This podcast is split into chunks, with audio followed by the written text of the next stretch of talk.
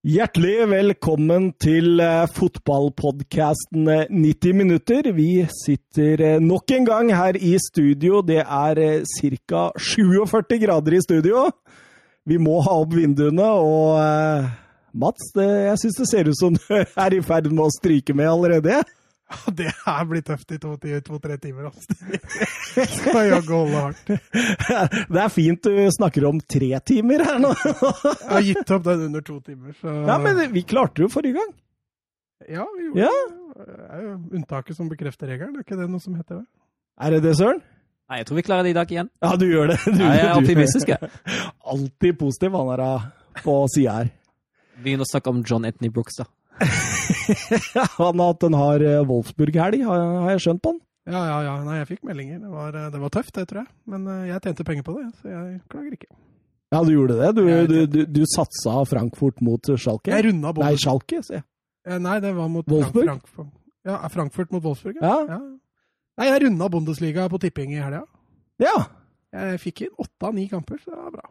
Hvor mye? Altså 700 kroner? Det burde vært mer da. Nei, det var to bonger, så det blei jo 1000 Ja, okay. til sammen.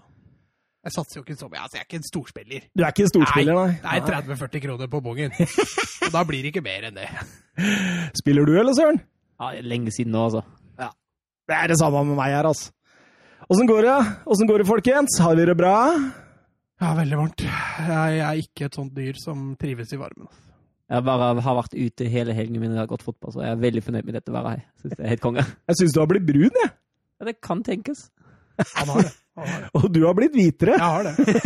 Når jeg bare ser jeg skygge, så løper jeg dit med en gang. Nei, øh, for øh, vi, vi, vi, vi blåser i denne svada-praten. Og så går vi rett over til de fantastiske ti spørsmål. Det er merkelig, hver gang du stiller, så er det fantastiske. Når du er deltaker, så er det fæle ti spørsmål. Ja, men de er jo fæle. De er grusomme, ikke sant, Søren? Det er helt riktig. Og det, det, dette er ikke noe vi liksom på en måte gjør til for lyttere. Altså, vi syns det er fælt. Ja, altså, det er jo Jeg, jeg syns det er tungt å tape. Det er blytungt. Og det, det preger deg resten av sendinga. Ja, i hvert fall. Det, altså, det er bra det er intro rett etterpå. For hadde vi gjort dette midt i, så hadde jeg blitt stille hvis jeg hadde tapt. Altså.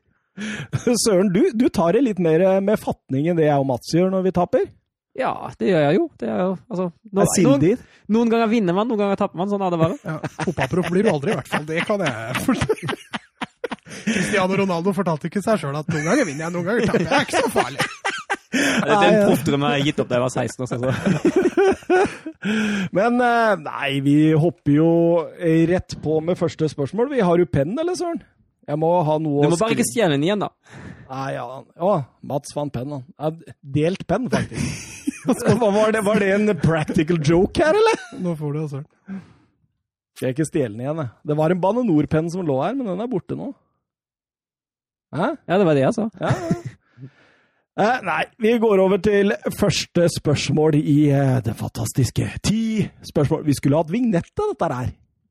Ja, vi får Vi må, la, vi må mekke en vignett. Vi må mekke en vignett. Og jeg, jeg gjør det litt sånn som du gjorde det forrige gang. Vi, vi starter med en sånn eh, ganske sånn enkel ja eller nei-ish. Eh, tre spørsmål hver. Eh, den som eh, går av med seieren sammenlagt, får ett poeng i runde én. Og da begynner vi med Mats. Hvem har flest mål totalt i Champions League av Ari og Ibrahimovic? Henry. Det er korrekt. Mats han har 50, Ibrahimovic har 48. Søren, Ja. hvem har flest mål totalt i Champions League av Neymar og Aguero? Aguero. Det er korrekt, Søren. 1-1. Eh, Aguero har 39, og Neymar har 35. Lett spørsmål, ass!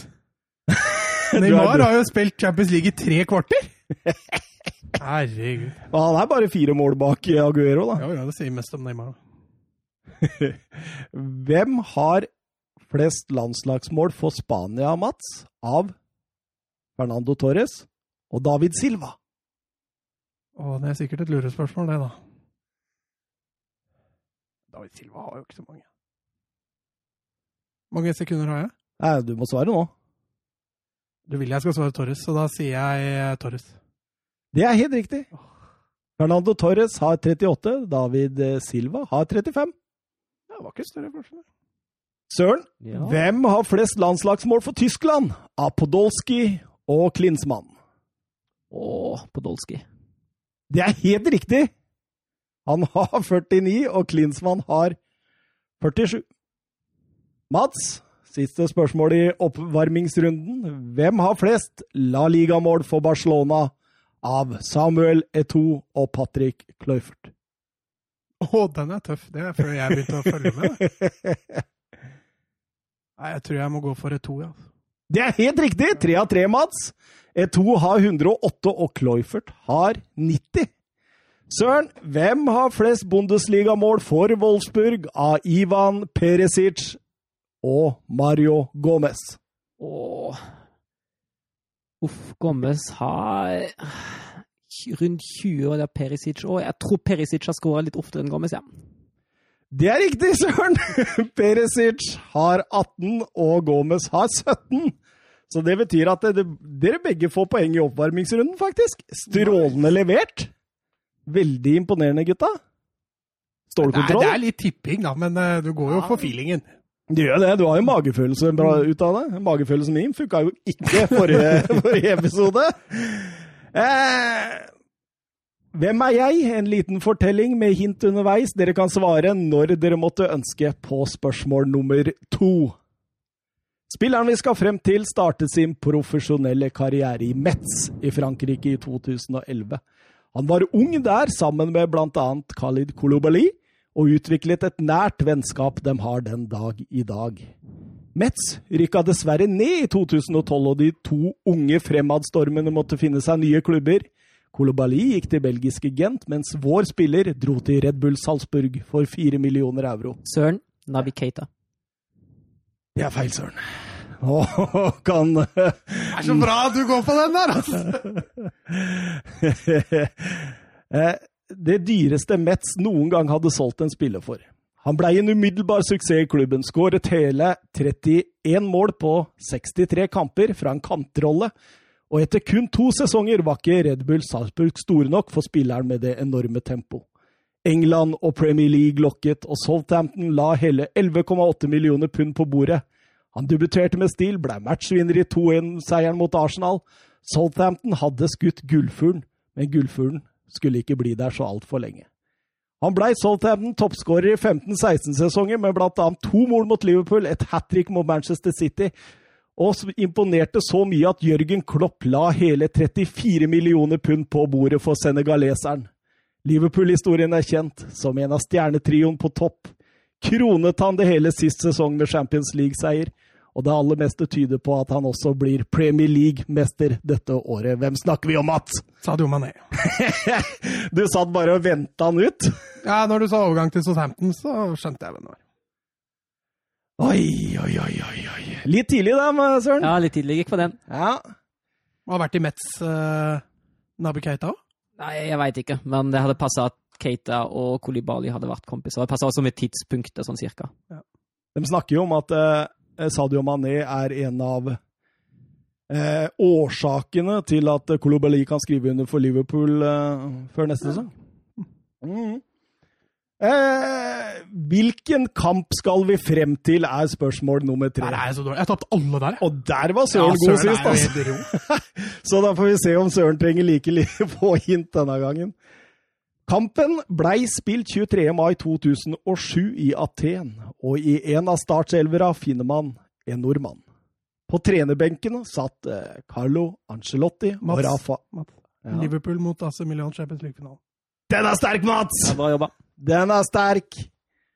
Mats 3, Søren 1. eh, Søren, Må du opp på hesten? svak i dag. opp på hesten.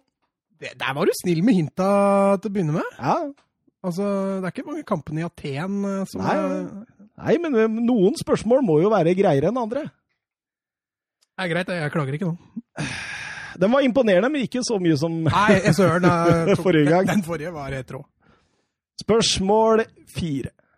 Jeg leser klubbene til spilleren i kronologisk rekkefølge, så skal vi frem til en spiller som dere skal si navnet på. Real Madrid, Bolton, Fiorentina, Sunderland på lån. Chelsea. Og ja, Mats, da. Ivan Campo. Det er feil, Mats. Han er fortsatt aktiv. Eh, ja, han er jo det, for Chelsea han har ikke lagt opp. Siste. Kan du gjenta klubben en gang til? Real Madrid. Bolten. Søren Kovacevic. Det er Ja. feil. Kovacic. Ja, vent, da. Vent da. Er han aktiv ennå? Ja. Å ja, det er Alonso! Ja, selvfølgelig. Ah! Marcos Alonso. Spørsmål fem. En av spillere jeg nevner nå, har spilt i samtlige topp fem-ligaer i Europa. Og jeg nevner eh, en rekke spillere, men kun én av dem har gjort dette. Det er bare én av to, faktisk, i historien, så dette er ganske eksepsjonelt å ha gjort Da det. nevner du bare han ene. Ja, jeg, nevner ikke sånn at det blir full eh, splid her. Philippe Coutinho. Kevin Prince Boateng. Obafemi Martins. Hva sa du, fire eller fem store? Fem. Fem store. Og da er det Frankrike som er den femte? Ja. Obafemi Martins, fikk dere med det? Ja. Bojan. Christian Paulsen. Jon Dahl Thomasson. Georgie Popescu. Søren, jeg tipper på Obafemi Martins. Det er feil, Søren! Mats. Det er to dansker der. Det må jo være Hva sa du han ene? Paulsen? Paulsen og Thomasson. Thomasson var jo mye i Nederland, da. Tyskland var han vel, og så var han i England. Filippe Coutinho var i Inter, Español, Barcelona, München, Liverpool. Han har ikke vært i Frankrike. Eller har han vært på et lån i Frankrike? Vi trenger et svar, Mats. Da tipper jeg Paulsen. Det er riktig! Han har spilt i Liverpool, Sevilla, Juventus, Schalke 04 og Evian. Eh, alle de andre spillere jeg nevnte, har spilt i fire av de store ligaene. Kult spørsmål. Ja, den var fin. Eh, da går Mats opp i 4-1. Eh, Nå er nå er du sterk! Litt flaks der òg. Spørsmål seks. Florentino Perez vant eh, presidentvalget i 2009 for presidentskapet i Real Madrid, og han lovet masse penger til prosjektet Galacticos. Ronaldo, Kaká, Benzema, Alonso, Albiol med flere ble hentet i tur og orden denne sommeren. Men hvilken trener ansatte han for prosjektet? Søren Ja, Å, fuck, det var for kjapp. Nei, skeit. Eh, Scheisse! eh, det var uh, Var det Jopp Heinkes? Nei, det var for mye tidligere. Nei, nei, jeg må si Heinkes, men det er fullstendig feil. det er feil, Søren. Mats? Fuck. Ja, det går litt surr i huet mitt her nå. For i 2009 Ja. Mourinho kom jo seinere. Ja, det var, det var den jeg gikk på. Jeg trodde Mourinho først. Og før han så satt jo Juan de Ramos, men han ble, fikk fyken Hvem var det som fikk sparken bare etter et par kamper der, da? Å, fuck, jeg veit hvem, da. Å, nå Mourinho. Og det, var, Jeg, jeg, jeg trenger et svar nå. det, var, jeg har bedt, det var han som sa først! Ja, men han svarte Men du må jo svare du, Ja, altså, men da får jeg litt bedre Nei, kan du ikke sitte med evig, Du kan ikke sitte i evig tid, nei. Ja, men jeg skal liksom kunne Spania her, så jeg må jo få to sekunder til å Ja, men du, du får jo to sekunder nå. Du har jo fått eh, 10 og 15 og 20 snart. Et svar. Får jeg lov å prøve igjen, da? Ja, Hvis han svarer feil, så kan du ta ditt forslag. Ja, Man får ikke poeng. Nei, han får ikke poeng. Åh, skal vi se Karl Ancelotti. Det er feil. Bernt Sjostad? Det er feil. Nei, da Mats var litt inne på det. altså det er Juan de Ramos han fikk jo fyken av Ja. Perez pga. dette, for han skulle skape et nytt lag. Mm. Og til det så ansatte han da Manuel Pellegrini. Han Ja, fikk ja. én sesong på seg før Mourinho tok over. Hvilken eh, spiller skal vi frem til i spørsmål nummer sju? Og hint kommer ettersom dere ikke svarer. Så stopper jeg bare når eh, et svar er eh, ankommet. Hint 1. Vedkommende har spilt Champions League-finale på hele 90-tallet, 2000-tallet og 2010-tallet. Altså over tre tiår har han Har kommet i en Champions League-finale. i en Champions League-finale? Det leste jeg om for ikke lenge siden. Oi. Fader, ass. Oi, oi, jeg oi. det ikke. Han var på banen i alle? Ja. Mhm.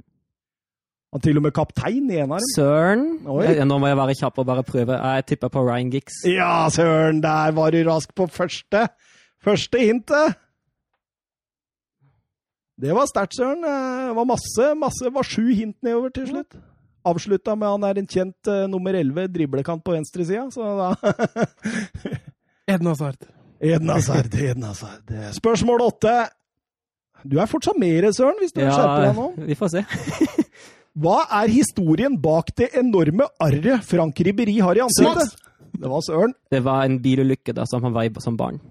Ja, stemmer det. Og så tror jeg altså, en av foreldrene, begge foreldrene døde faktisk, men uh, ja, Ribberi hadde ikke sikkerhetsbelte, så han gikk tvers igjennom frontruta. Eh, måtte sy over 100 sting i ansiktet sitt. Det er helt riktig, Søren. Og nå har du Han- faktisk skapt spenning! Han nekta jo å ta operasjon etterpå. Såpass, ja. Han var to år, det er ikke så rart. Jo, jo, Man kunne jo ha retta på det nå. Ja, nå, ja. Skjønner Men. Døde noen av foreldrene hans, eller? Har Nei, det leste jeg ikke om. Nei, da kan Jeg hende at det er feil. Jeg bare snubla over den, så tenkte jeg det var fint spørsmål nummer åtte. Nå kommer spørsmål nummer ni. Neymar er tidenes dyreste spiller etter sin overgang fra Barcelona til Paris Saint-Germain for 222 millioner euro i 2017. Hvilken spiller er den dyreste spilleren kjøpt av en ikke-europeisk klubb? Å, herregud. Da må vi vel til Kina, da. Jeg må nok det. Ja, jeg kan, jeg kan lese sakte og sikkert noe hint her. Er han argentiner, eller? Nei, midtbanespiller eh, Brasilianer. Søren? Ja. Ja, det er han Oscar? Ja! Det, oh, det er 4-4 for siste spørsmål! Oi, oi, oi. sterk. Oscar gikk eh, fra Chelsea til Shanghai for overkant av 60 millioner euro, som er det største Fytti rakkeren søren, nå! Dette her virker som Liverpool mot AC Milan i Champions League-finalen. Altså, det Håper håpe at jeg avgjør straffen, da. ja, og siste spørsmålet kommer nå. Og jeg tror begge av dere vet det. For vi har snakka om det i en pod før, så dette her er bare å Dominic Tedesco hadde en rakettkarriere i Schalke. Gikk fra relativt ukjent til en av Europas mest spennende trenere på kort tid. Fikk spark i Schalken etter et flatterende 0-7-tap mot City i Champions League. Et halvt år senere skrev han under for en ny klubb. Hvilken? Spartak Moskva i Russland. Oi, oi, oi, oi, oi, søren! Hvordan skal jeg vite det? Russisk fotball! vi har snakka om eh, det på podden. Herregud. Hadde du fulgt med i din egen podkast, så har vi Søren, det der var tidenes comeback! Ja, det er jeg fornøyd med. ja, jeg får bare bøye meg, selv om det er irriterende. Comeback ja, Nei! Jeg trodde, jeg trodde jeg hadde tapt etter 4-1. Altså. Da... Vi kjører intro, vi, så kan Mats rase fra seg under den.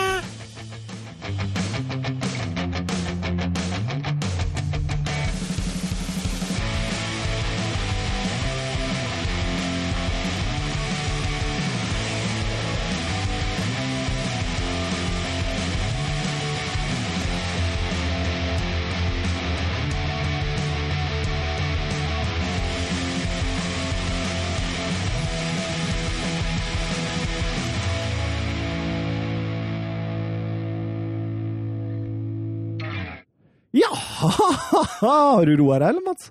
Nei, jeg, det bobler litt inni det. Jeg skjønner det. 4-1 til 4-5. Ja, jeg er litt tom for ord, egentlig. Du veit åssen jeg blir når jeg taper. Jeg blir veldig inneslutta, egentlig. Ja, du gjør det. Jeg, blir, eh, jeg går liksom og grubler og er forbanna. Du, du er en finere fyr når du har vunnet. Absolutt. Ja, ja. Lettere å prate med, i hvert Ja, fall. du, du, du er liksom du er litt sånn dårlig taper og god vinner. Det er det samme som meg. Jeg kjenner meg litt igjen. Jeg er litt sånn, jeg òg. Når jeg vinner, så er jeg litt sånn Ja, ja, men det- du, du, du Det er sånn det skal bra, være. Ja. Da er ting normalt. så har jeg tapt. Da ryker det ting, altså. Det har, jo, det har jo dere sett. Jeg har jo nesten sett frykten i øya på Søren eh, Storks på sida her. Nei, ja, og så være litt stort sett. Det var et fantastisk comeback, Søren. Det mener jeg selvfølgelig ikke, men eh, Det var kult. si. Det var kult, Søren. Jo, takk. Eh, vi begynner Bundesliga-runden, og vi begynner den på fredagen. Da spilte Freiburg og Leverkosen og eh, Jeg tenker jo det at eh, Vi kan jo stå igjen med å snakke litt Kai Havertz, kan vi ikke det? Og, og kanskje litt Leon Bailey? Altså, Kai Havertz altså, han var jo litt anonym i første omgang, men han, eh, han setter jo en rekord når han scorer der. og eh, Det er jo han som er tungen på vektskåla nesten hver gang Leverkosen vinner etter koronaen. For et forarbeid av, Leon Bailey! Ja, ja, definitivt. Det var helt fantastisk, altså. Det Men han er tøff der òg, Kai Havertz, som tør å sette fram foten. For det kommer jo to knotter i ganske stor fart rett i ankelen på han. Så det, det gjorde nok vondt å skåre det målet. mm. og, og Leverkosen har jo egentlig vært best gjennom hele kampen her når dette skjer, og de er jo best etter dette også. Så første de ti-tolv siste minutta så våkner Freiburg. Det virker som Christian Streich bare hiver spillere opp. Og da er det nesten litt flaks at eh, Leverkosen klarer å holde på det. Ja, det, det virket jo litt sånn at Freiburg var veldig innstilt på å ikke få baklengsmål i første omgang. Først fikk baklengsmål mot slutten da og måtte satse. Da så ikke det så verst ut heller. Nei, det blir jo en desperat plan nå, da. Eh, Det er den Hva kaller man det? Route, 60, route, Route one. route one? Rett fram og Route 69. Ja, det, det, det, det er en liten omvei, i hvert Ja, fall. det er noe. Eh, lange baller. Men Leverkosen ble også fryktelig defensive når det skjedde. Eh, for de tenkte konsekvens, konsekvens istedenfor å fortsette angrepet. For de hadde jo egentlig god kontroll fram til 80 minutter. Ja, og de er jo livsfarlige på overganger òg, så det, det kunne jo, men Havertz, da. Fantastisk. altså. Nå er det 35 Bundesligamål for Leverkosen. Det er samme antall som legenden Bernt Schneider. Herlig. Ja, det er nydelig. Ja, men, men ser vi for oss at han spiller der neste år, eller? Ja, altså nå, nå er det jo spørs hvor den skal gå. Altså Leverko, det er ikke noe utkjøpsklausul i kontrakten, uh, så klubber må jo forhandle fritt med Leverkosen. Leverkosen kommer aldri til å være med på å senke prisen. Han har jo fortsatt kontrakt til 2022, og de kan fortsatt tjene penger med ham neste sommer. Og jeg tror jo Havertz er voksen nok til å ikke bli sur eller fornærma hvis må spille ett år til i Leverkosen. Eh, Nå har jo Bayern gått ut. Både Kahn og Hønes har jo sagt at det er tvilsomt med at vi klarer å hente Havertz. Eh, Real Madrid og Barcelona setter ved prioritet til andre steder. Eh, Liverpool ser ikke ut til å, ja, til å kunne eller ville betale det Leverkosen vil ha. Så akkurat nå, med tanke på koronasituasjonen, ser det nesten ut som at det blir et år til i Leverkosen for ham. Hva med Newcastle, da? Nei, da tror, jeg- da tror jeg heller han blir i Leverkosen istedenfor å bytte til en uh, nyrik klubb. Tror du det? Ja. Jeg er litt usikker, altså. Vi, la oss si La oss si Newcastle. Har jo sikkert noe å si, da. Ja, men, jo, jo, men det, jeg tenker, ikke sant. Så, så, så kommer Newcastle nå. Så henter de store stjerner under flaggskipet Pochettino. Skal de skape et nytt vidunderlag oppi der? Du veit jo at alt rundt Newcastle er der allerede. Entusiasmen, gløden. Eh, Newcastle er jo en fotballby. Dette, dette kan jo bli stort. Men altså, er er det ikke kult å være med på det, Asjørn? jo, men altså, jeg tror det som er viktig for Havertz, er at han blir lagt Altså at han får en god plan. Han vet jo, han vet jo at hele Europa nesten er ute etter ham. Uh, så jeg tror ikke nødvendigvis du vinner Havertz på mest penger eller mest satsing. Jeg tror du vinner Havertz på den beste planen. Så du tror Havertz blir? Kommer an på altså hvis, hvis Newcastle nå kommer og, og viser ham en fantastisk plan som Havertz blir skikkelig begeistra for, da kan det fort hende at han drar til Newcastle. Men jeg tror ikke at han jeg tror, at Han virker litt sånn for, for gjennomtenkt til å, til å forlate et forholdsvis greit miljø, eller et veldig greit miljø for ham, til fordel for en veldig stor årslønn i et år. Det, Men, Ja. men Newcastle kan ikke bare gå ut og hente ti spillere til sju uh, milliarder. Nei, det kan de nok Det, det må jo gjøre dette gradvis. Ja, det må helt Og da er jo spørsmålet om de skal begynne med Havertz. For han kommer jo til å koste Nå Det er noen nuller bak det ett-tallet som Men de nå skal har Uefa da, sagt ifra at eh, vet du hva, nå må vi løsne litt grann på de der financial fair play-reglene. Nå må vi få inn litt penger inn i ruletten igjen og litt sånne ting. Altså, det er jo et perfekt utgangspunkt for eventuelt en ny- nyrik klubb som Newcastle, hvis dette skjer. Jeg syns det er helt håpløst. Jeg hørte du sa det, men jeg syns det i så fall er helt dust av Uefa. Ja, Men de må få inn pengene igjen, vet du. Jo, jo, da blir det enda større forskjeller, da. Ja, men det De rike kan bruke enda mer penger, mens de som er fattige, de er jo fattige, så de får ikke brukt mer penger allikevel. Forskjellene blir jo bare enda større, da. Jeg sier ikke at jeg er enig, men jeg sier at Jo, du sånn sitter jo og forsvarer det. Nei, jeg Jo, du sier må ha det, penger inn i systemet, sa du. Ja, jeg sa at det var det Uefa sa, sa jeg. Det er helt dust, sier jeg. Sier du som heier på Barcelona, liksom. Ja, ja, men jeg har aldri vært fornøyd med pengebruken til Barcelona, jeg. Nei, du har ikke det, nei. Det er ikke pga. Barcelona er så god til å bruke penger at jeg heier på dem. Ja, hvorfor heier du på dem, da? Av identiteten de hadde. Så egentlig så er, Det er et sårt tema, Thomas! Så egentlig er du ferdig, da. Du, Jeg har vært mer glad i Barcelona en gang tilbake. Er du tilbake til Blackburn nå, eller er det det, eller? Nei, det, jo, jeg har alltid vært litt Blackburn. Men eh, nei Det, det, jeg, det er så fint grønt-hvitt lag i Bundesliga som jeg kan anbefale virkelig. ja, Som ikke bruker mye penger, og så spiller fotball. og som slår eh, Frankfurt på hjemmebane når de gidder. Det er helt riktig. Det er Werder Bremen. det. Vi går over til Hertha Berlin mot Augsburg, og Bruno Labadia-oppturen den fortsetter. Ja, den gjør det. Han eh, klarte seg jo fint mot Leipzig, eller Hertha klarte seg jo fint mot Leipzig i midtuka også, til tross for en uh, stykk Jarstein-tabbe. Og så syns jeg i hvert fall i første omgang er Hertha det klart beste laget på banen mot Augsburg, og leder også fortjent 1-0. Det er finurlig, den der 1-0-skåringen til han uh, Dilrosund. Den der skippen Ja, i forkant der. er Finurlig. Den er fin, den. Uh, Pjontek skåra også endelig en. Så. Ja, og jeg hørte Eller endelig en, han skåra vel i midtuka, gjorde han ikke?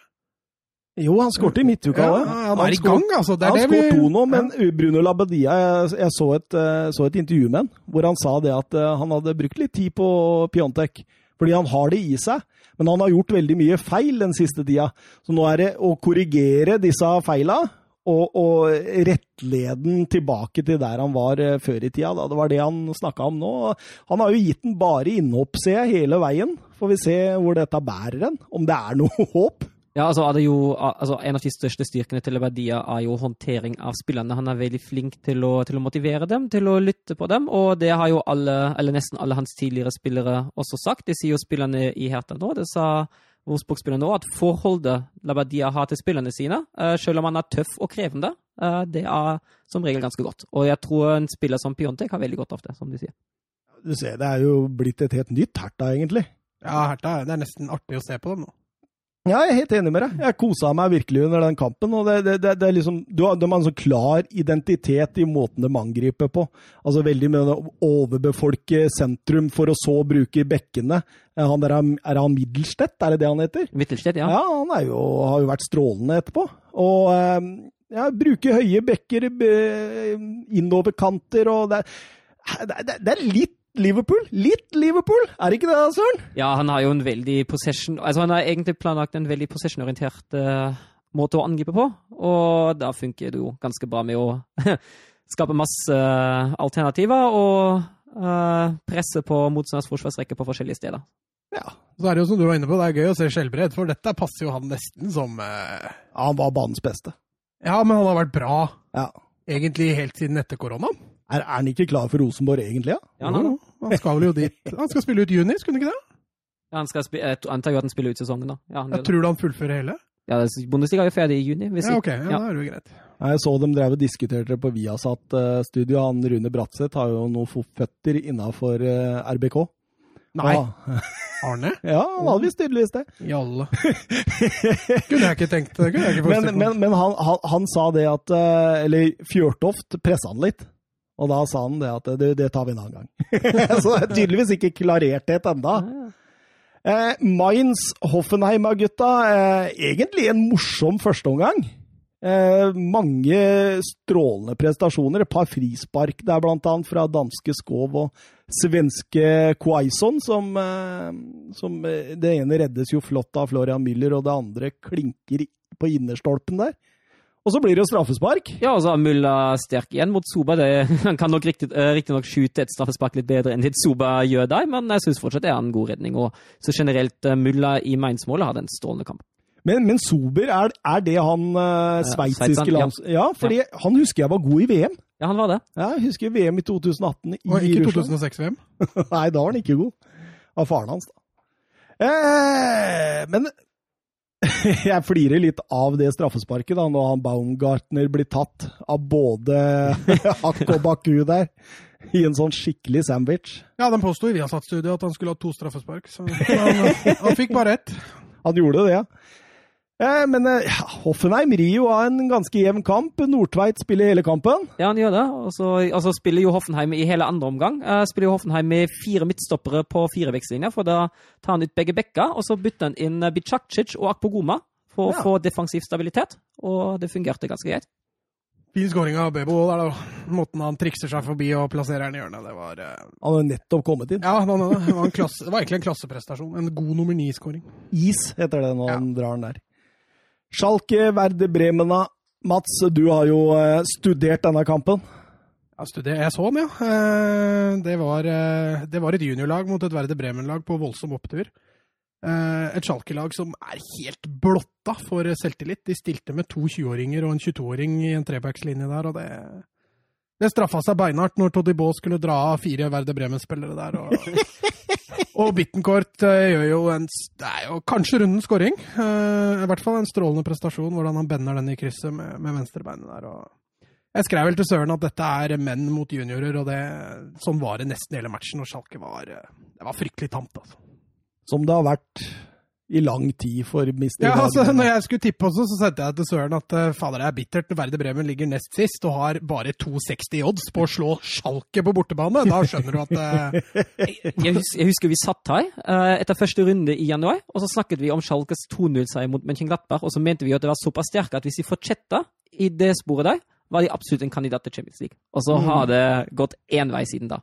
Ja, jeg husker vi satt der bare på Paruksja og sa at Verde Bremen rykker ned. Det eh, Ja, du sa Ja, det. de- jeg, Ellers så Nei, vi, vi sa det. Det blir veldig spennende nå. Har de jo, eh, har de jo hengekampen sin mot uh, Eintracht Frankfurt i morgen. Uh, som de, hvis de vinner den, kan de jo klatre på kvalikplassen, og så er det neste runde møter de jo Midtjære Wolfsburg. Da blir det bråstopp. Oi, oi, oi, oi, da blir det bråstopp, ja. Ja, vi får se. Det er, jo på, det er jo heldigvis på bortebane, så det kan jo hjelpe. Men eh, sterkt av Verde Bremen å snu dette. Florian Kaafeldt har snudd, eh, snudd skuta, han, eh, til tross for enkelte klubblegender som var ute og krevde hodet hans på et fat. Ja, Verde Bremen ignorerte det, Ja, det det. og fortsatte. Det tror jeg ikke de angrer på. Nei, det er absolutt ikke. Har vel holdt nullen også i tre kamper på rad nå, så det er sterkt av Werder. Er på vei oppover, og litt fare for eh, det rovet. Ja, dessverre. Mm. Eh, Wolfsburg Frankfurt, da, Søren, den, den har du kontroll på. Ja, den har jeg kontroll på. Den skal vi dvele litt ved nå.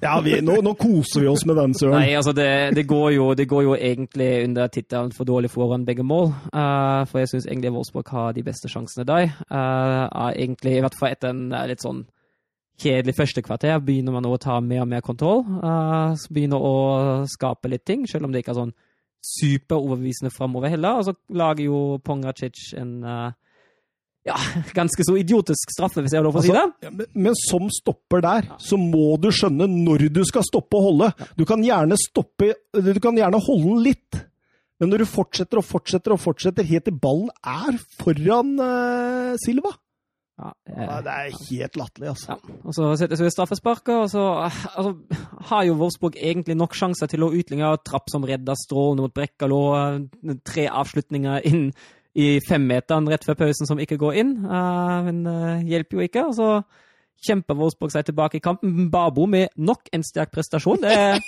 vet ikke hva han har gjort etter korona, men dette ser jo dette ser virkelig bra ut nå. Han har hørt på 90 minutter og tenkt at nå skal jeg slakte Søren Storks på sida her. Nei, altså Jeg syns de siste kampene han virkelig prestert bra. De siste fire også. Det belønner seg sjøl med 1-1. Og så har vi jo eh, min favoritt i midtforsvaret, John Anthony Brooks, som holder koronaavstand til Bastost. Um, og så, Da var du imponert. er veldig imponert. Da var jeg veldig fornøyd. Um, det er jo ikke bare uh, Brooks som gjør feil, det er jo Slager som ikke følger sin mann heller. og det er, jo, det er jo hele forsvaret som egentlig er i kaos. Uh, så Frankfurt tar med seg tre litt, litt heldige, men ekstremt viktige poeng for dem. Uh, på sin side syns jeg egentlig Frankfurt gjør det ganske solid og bra uh, i den defensive. Altså Selv om uh, Wolfsburg skaper noe. Uh, Ja, men, men, men der er du inne på det, Søren. Fordi når jeg satt og så denne Jeg så ikke hele kampen, men jeg så mye av den. Mm. Og jeg, jeg tenker jo det at Altså, jeg hører du snakker Brooks, og det er helt greit. Han hadde en sånn generalfeil eh, på Kamada sin eh, 2-1-skåring helt mot slutten der, men åh, jeg bare tenker Brekalo og Viktor. Ja. Altså, altså, de koster Wolfsburg altfor mange sjanser, Yep. og potensielle sjanser. Det er noe med valget deres. Yep. det går feil hele veien. Ja, jeg er helt enig. Og jeg synes særlig med Brekkalo er det så synd, fordi når han er på sitt beste, er han virkelig topp. Og da sitter han litt i pasninga og tar han de riktige valgene nå, men han er så ukonstant. Eh, men Victor Viktor har jo mista helt håp på. Eh, altså jeg- Men, men Renato Steffen, han er god. Ja, og så, han er og så god, mister han altså. jo kamp mot Bremen nå. I femte gule. Og så er det jo en ting jeg ikke forstår. Nå har man jo fått, Uh, fått lov å bytte både fire og fem ganger. Mm. Og så er Glasen den eneste trener i Bundesliga som har bytta tre ganger tre og én gang to. Han er den eneste som ikke har benytta seg av det. Uansett Mm. om laget da leder 4-0 eller jakter desperat mål. Og jeg tenker, altså, Hvorfor ikke kaste inn Jannik Gerhardt mot slutten, da, som er jo en absolutt solid spiller som kan bidra med noe offensivt også? Jeg bare forstår det ikke. Hvorfor ikke prøve alt? Nei, det, du har et poeng. Jeg, syns det er litt sånn det, det går litt i samme tralten hele tida, men Ja, nå, nå skal vi ikke sitte og snakke ned Wolfsburg, da, Nei, for nå nei, har de jo vært i en god periode. Altså, hvis, Søren, hvis vi skulle være helt ærlige og si der hvem hadde fortjent å vinne, så er det jo Wolfsburg. Ja, det er jeg jo enig i. Men, men, men de, de gjør det så jæklig vanskelig for seg noen ganger. Ja, altså, altså, altså tenker man, altså kommer jo den, den kampen midtuka mot Leverkosen, der man uh, sitter her, og så drar man og ser på kampen etter at man har vært her på tog, og blir skikkelig glad og fornøyd, og alt det der. Får det komme en sånn helt uventa, fantastisk prestasjon, sesongens beste. Og så kommer, får man tre ekstrapoeng i sekken, og så kaster man det bort mot Frankfurt, der man planlegger med tre poeng. Det, det er bare så ukonstant. Og så sitter man jo og har med det samme. Jeg hadde noen, hadde noen bedt meg om å tippe hvor mange poeng vi fikk etter de første fire kampene etter korona. Jeg har sagt seks. Mot Augsburg og Frankfurt. Det var da Augsburg og Leverkosen, men går ut på det samme. Ja, ja. Men Wolfsburg lider jo også under dette bortesyndromet i Bundesligaen. Ja, vi har jo tatt begge to hjemmekamper. Ja, og vunnet Ja, men det, har, det, har ikke, det, er ikke, det er ikke bare det er ikke et nytt symptom eh, med korona. Det har vært litt sånn svakt på hjemmebane før. Jeg tror bare Wolfsburg har vunnet én av de siste sju hjemmekampene, eller noe sånt, har jeg lest. Så det, det er ikke noe Det blir spennende å se bra. når eh, La Liga, Premier League og de starter opp om. Det, trenden blir det samme. Ja, nå leste jeg i dag at Real Madrid skal jo fullføre sesongen på reservelagsstadion. så De skal jo ikke tilbake igjen på Bernabeu, og Levante det samme. Og i Premier League så er de litt usikre på om det blir nøytral bane, seks utvalgte nøytrale baner, eller om det blir som i Tyskland. De er litt usikre. Det er noen stadioner som eh, sliter fortsatt med liksom, å oppfylle kravene, koronakravene. Så Turf Moor er blant annet det ene. En tett spillertunnel og litt sånne ting. Men vi får se hva som skjer, Søren. Vi får gjøre det. Bayer Bayer, Bayer. Vi skal til Bayer, skal vi det? Til München. Bayern München mot Düsseldorf, eh, hovedkampen vår. Eh, hvorfor valgte vi denne som hovedkamp? Eh, litt, mangel på alternativer, kanskje? ja, også kanskje fordi eh, Altså, vi har ikke hatt Bayern München heller eh, på en god stund, så vidt jeg veit. Ja, det stemmer. Det var Nei, det er lenge siden, altså. Det er lenge siden. Og så tenker jeg også at det, det, er, det er en sånn spennende studie å se en så ekstremt stor favoritt, og hvordan på en måte Ove Røsler, da, som trener for dette laget, skulle angripe dette her. Eh, vi kommer litt eh, nærmere tilbake til det. De har møtt hverandre sju ganger i nyere tid. Det har blitt fire Bayern München-seiere, tre uavgjort og null Düsseldorf-seiere. Det endte faktisk 3-3 forrige sesong. Ja, og det var jo, det var jo da Robert, eh, Niko Kovac var i en skikkelig krise. Det var jo da halve Tyskland regnet med at han skulle få fyken etter den kampen. Fordi var jo Luka Bakio skårer jo hat trick etter at Bayern leder vel 3-1 på hjemmebane og kaster det bort. Det var i hvert fall helt krise. Det føyde seg i en rekke med litt dårlige prestasjoner og dårlige resultater. Um, og da var Kovac allerede hardt pressa. Og hva tenkte vi De Rove kunne gjøre? Han hadde bare ett tap på sine elleve kamper for eh, Düsseldorf. Det er mektig imponerende, selv om mye har vært uavgjort, som vi har vært inne på. Eh, begge kom fra seier og Nei, dette Jeg, jeg gleda meg liksom litt til å se det. det Ja, jeg ble litt overraska som startelveren til Düsseldorf, men ja, for han bytta litt, gjorde han ikke? Ja, han bytta ut fem spillere fra kampen før. Mens eh, Hansi Flik, han bytter sjeldent. Ja, han, han bytta vel inn Hernandez. Ga ham litt praksis. Boateng ble satt på benken, i hvert fall. Ja, ble skada igjen. Men eh, jeg, jeg, tror han, jeg tror Flick er kanskje litt prega av det Kovac gjorde, fordi Kovac fikk jo blant annet mye pes for å bytte for mye. Uh, og Flick var jo assistenten hans, uh, så det kan jo hende at han har, han har jo sikkert blitt, pre, litt prega av at han har opplevd at den byttinga ikke var så superpopulært. Det var ikke spillere også misfornøyd ja, det er akkurat det. Det var ver- verken blant supporterne, klubbens ansvarshavende eller spillerne. Det var ingen som likte det der, så da har han lært sin, lek sin leksjon, da, tenker jeg. Ja. Eh, han kom i hvert fall i en 4-2-3-1, den faste, vante oppstillingen, med, med Müller i en fri rolle bak Lewandowski og Gnabry og Koman på kantene. Det, det, det er jo nydelig offensiv. Ja, altså dette er jo blitt, altså Hvis du ser bort fra Hernandez inn for Boateng, så er det jo blitt den vanlige startoppstillinga til Flick. Tiago Thiago kunne vel kanskje vært inne der, men eh, det er dette laget vi har sett fra Flick egentlig nesten hele veien. Og Düsseldorf i en slags 4-1-4-1 som åpenbart skulle være en 4-3-3 når de angrep. Eh, Karaman på topp eh, han har vært bra. Ja, det har han. Vært veldig bra under to mål på de siste fire kampene. Og ja, nei, jeg gleda meg! Skal vi ta fatt på kampen, eller? Begynn, du. Frisk åpning på matchen. Eh, Düsseldorf virker, viser ikke tegn til at eh, de eh, skal bare forsvare seg, og angriper med mye folk når de får sjansen. og Det, det, det bølger litt sånn fram og tilbake, selv om Bayern har mye ball i starten. Bayern har alltid mye ball.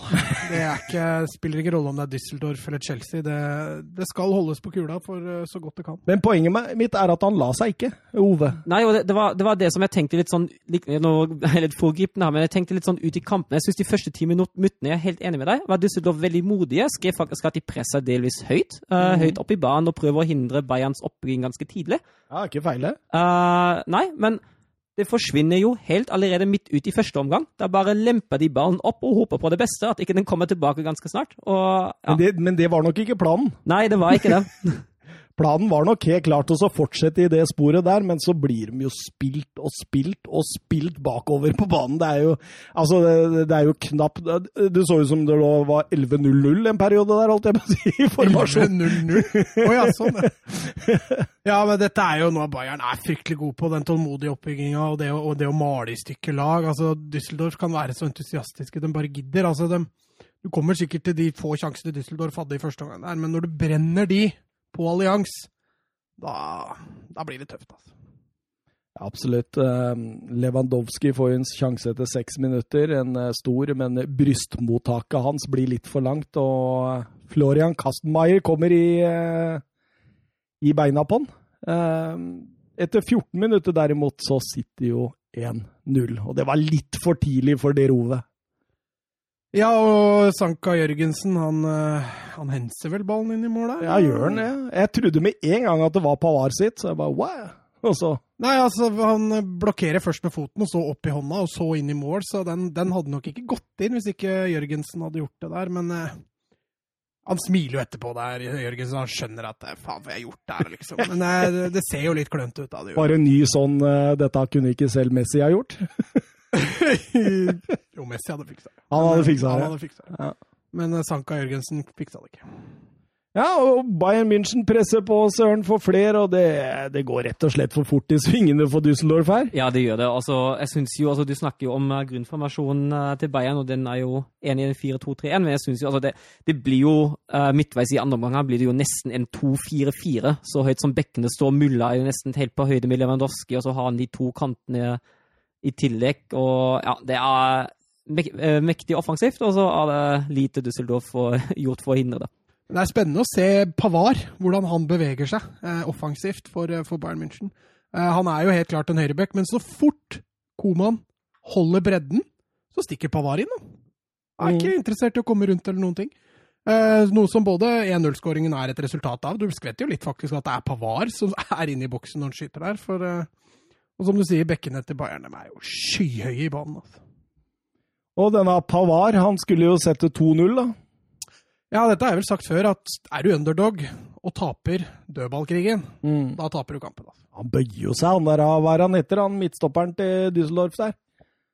Husker ikke hva han heter. Hoff, Man, Hoffmann? ja, Hoffmann er det vel som bøyer seg? Det var nummer 23. Jeg Ja. husker det. Giselmann. Gisselmann. Gisselmann, det er bra navn. Han er venstrebekk. Ja. ja, men han bøyde seg istedenfor å ta duellen. Ja. Eh, er Jeg så det var to. Düsseldorf-spillere som hoppa foran Pavar. Mm. Eh, og det var egentlig godt gjort av Pavar å, å faktisk forvente ballen der, for det ser jo ut som de Düsseldorf-spillerne skal nå ballen. Ja, ja da, da er 2-0 veldig fortjent. Det har gått en halvtime, og Düsseldorf det, det, det er jo så nær ball i hatt man kommer det nå. Ja, den sjansen til Düsseldorf, er det Karaman Nei, ikke Ja, Karaman det, som- det er den etter 32 minutter. Ja. Den kommer eh, rett etter dette. Det er en dobbeltsjanse som eh, Erik Tommy kommer ut på venstresida. Erik Tommy. ja, Erik Tommy. Slår et nydelig innlegg mot Karaman, som får stå helt aleine på 11-meteren. Eh, Skuddet blir blokkert, men rett til Alfredo Morales, som klinker den inn igjen, men gjennom hele feltet. Den var stor. Den var da kunne stor. det bli 2-1. Men det er der han får ballen litt høyt og demper den. Ja. Eh, For der ble jeg positivt overraska over at han faktisk demper den. Jeg tror veldig mange spisser der ville prøvd å fyre på første Mm. på en vanskelig ball. Eh, Han får et litt leit mottak. Det er det som gjør at han eh, ikke Mm. får den tida, men også strålende. Det er vel Alaba på Ja, Davies. Davies er det. Mm. På streken der som og Noyer er jo ikke i nærheten av å ta den. Nei. Eh, Så det var, det var en kjempesjanse. Og istedenfor Ja, istedenfor får vi jo et klasseangrep. Det, det er jo så nydelig, det der, altså. Å, herregud. Altså, det er jo det er to halsbakker. Er Lewandowski som sentrer Kimmich med han. Altså, legger, legger Kimmich igjen, for Mulla med han. Og så spiller Kimmich Mulla tilbake for Lewandowski, og det får han endelig sin skåring mot Düsseldorf, når han skårer mot alle 18 lag i Bundesliga. Og der, altså, en ting er Kimmich, som ser Müller når han begynner løpet. Men Müller ser jo ikke Lewandowski når han begynner løpet. Jeg vet ikke, Hadde det vært tilskuere og han ikke hadde hørt noe, tror du den pasninga hadde kommet da? Det er ikke helt sikkert. Jeg, For- jeg har tenkt akkurat det samme! Fordi der hører man jo Lewandowski roper. Ja, Eh, Og Müller kan bare spille av på lyd. ja, absolutt. Hadde det vært eh, 60 000-70 000 mennesker på tribunen der, så hadde han jo ikke hørt dette. Men det er jo propagandafotball. Ja, det er så fantastisk! Mangler det er så at- deilig! Mangler bare at Lewandowski legger den til, eh, til Gnabry der. Så. det, er, det, er, det er så deilig å se sånn fotball. Mm. Det er så deilig. Det er fotballgodteri. Ja, det er Kos dere med den hvis dere ikke har sett den. Altså, gå inn og så se det målet der en gang til. Det er fantastisk, og det er Müller, ass. Han, eh, vi vi snakka om det, vi møtte hverandre på ba, den lokale badeplassen i går. og det, det, Noe av det første jeg sier til deg når vi møtes, det er Thomas Müller. ass. Han er så undervurdert. han. Mm. Han Han vært, han er så god. Han er strålende. Jeg sa så, det. Så vel den Hva er Müller egentlig god på? Kjernås svarer eh, det meste. Mm. Og det er fader meg riktig. Altså. Ja, ja. Han er bra på alt. ja, absolutt. Han er så fotballsmart. Bra ferdigheter. Eh, Han skulle kanskje vært litt kjappere. Det er vel et av få Abraham uh... Men samtidig så er det så god til å time alt. Ja. Alt times helt perfekt, liksom. Og det må være en drøm for Lewandowski å ha en sånn spiller rett rundt seg. hele Ja, og så virker det som Müller er glad i å gi Lewandowski gode baller. Ja, det er være han har 18-19 av assistene, er det Ja, 18, tror jeg han. har. Ja. Det er helt vilt. Så da går man til pause med 3-0 i hatten til Rove. Tenker man damage-kontroll, eller tenker man at eh, nå skal man prøve å starte på nytt og prøve å Ja, altså, de Viasat-kommentatorene var veldig opptatt av rekorden til uh, Düsseldorf. At de kan ikke tape mer enn 7-0, for det er rekorden deres. Ja, og så må det jo, må det jo sies at i målforskjellen til Werder Bremen da, den var jo ikke, Bremen har jo litt dårlig målforskjell, uh, men ikke så mye dårligere, så da kan man uh, Det var, ble sagt på studiet også, og det var jeg veldig enig i at man fort kan tape et poeng der hvis det blir for stygt. Ja. Men det var jo ikke noe sånn super damage-kontroll eh, fra Düsseldorf. Jeg tror eh, Jeg veit ikke helt hva Ove la opp til, for det var ikke så lett å se heller hva, han, hva planen var der. Om de skulle nullstille og prøve på nytt, eller om Nei, de skulle Jeg, jeg, tror, jeg tror det var litt det. Og så midtveis i andre omgang tar han jo det, tar han jo det dobbeltbyttet, litt foregripende igjen, og da, da stiller han om til en form for 5-3-2, 5-4-1. Ja, da, men da det grepet Ja. hjelper. Ja, det gjør det, Mm. og det, men det kommer først halvveis i andre omgang. Ja, det Men, er men, helt men, men hjelper det fordi eh, Bayern München Ja, det er, er en litt mette? Det er nok en blanding der, Ja. men, men en, du har en Lewandowski da, som vil gjerne skåre sju-åtte mål for å kunne ta Gerd Müller sin skåringsrekord. Og en Müller tror jeg heller aldri blir mett. Nei. Ja, og, altså, det, og det, det jeg syns det hjelper litt mot av de skyhøye bekkene. Det hjelper at bekkene ikke hver gang kommer seg rundt, særlig Alfonso Davies, som uh, Å, han var så god. Ja. Å, å, han er så natta god. Tenk det tempoet på Müller. Ja, da hadde vi snakka. Men, men, men eh, før vi Altså, 4-0, Lewandowski etter 49 minutter. Eh, setter jo enkelte mål. Eh, 5-0, Alfonso Davies. Eh, der, der mister Bayern München ballen to ganger, Ja. men vinner den igjen lynkjapt. Altså, det er dette presspillet deres! på begge mål, faktisk. Både på 4-0 og på 5-0 er det to kjappe gjenvinninger på rappen der. Og det, det er gegenpress per excellence. Altså, Jørgen Klopp kan ikke gjøre det bedre. Nei, det er et strålende gegenpress, og Alfonso Davies setter 5-0 der. Og, og da tenkte jeg også at dette eh, kan bli stygt, men så, så er du inne på at han etter hvert så gjør han jo eh, noen grep, Ove, da. Som eh, gjør at de får litt bedre kontroll, eller eh, er Bayern såpass altså, Jeg føler også at Bayern München at de spiller ikke så fort framover heller. Eh, om de gjør det pga. de trekka Ove gjorde eller ei, det, det er litt vanskelig å si. Jeg tror at Ove drepte kampen litt, men at Bayern kanskje var litt metta på det tidspunktet. Det kan godt hende, det, altså. Men, eh, Men uh, du så kampen døde litt etter det Mm. byttene, og det, jeg, jeg tror Ove Røsler fikk det som han ville. Ja, altså bytter Altså, det, jo da så- blei det damage-kontroll, altså. Ja, absolutt. Og men så, så bytter jo også, um, også Bayern München litt i laget og er, er fornøyde. Og jeg, jeg, jeg har lyst til å ta med Müller sin sjanse etter 62 minutter. Den, altså, den ballen fra Alaba der.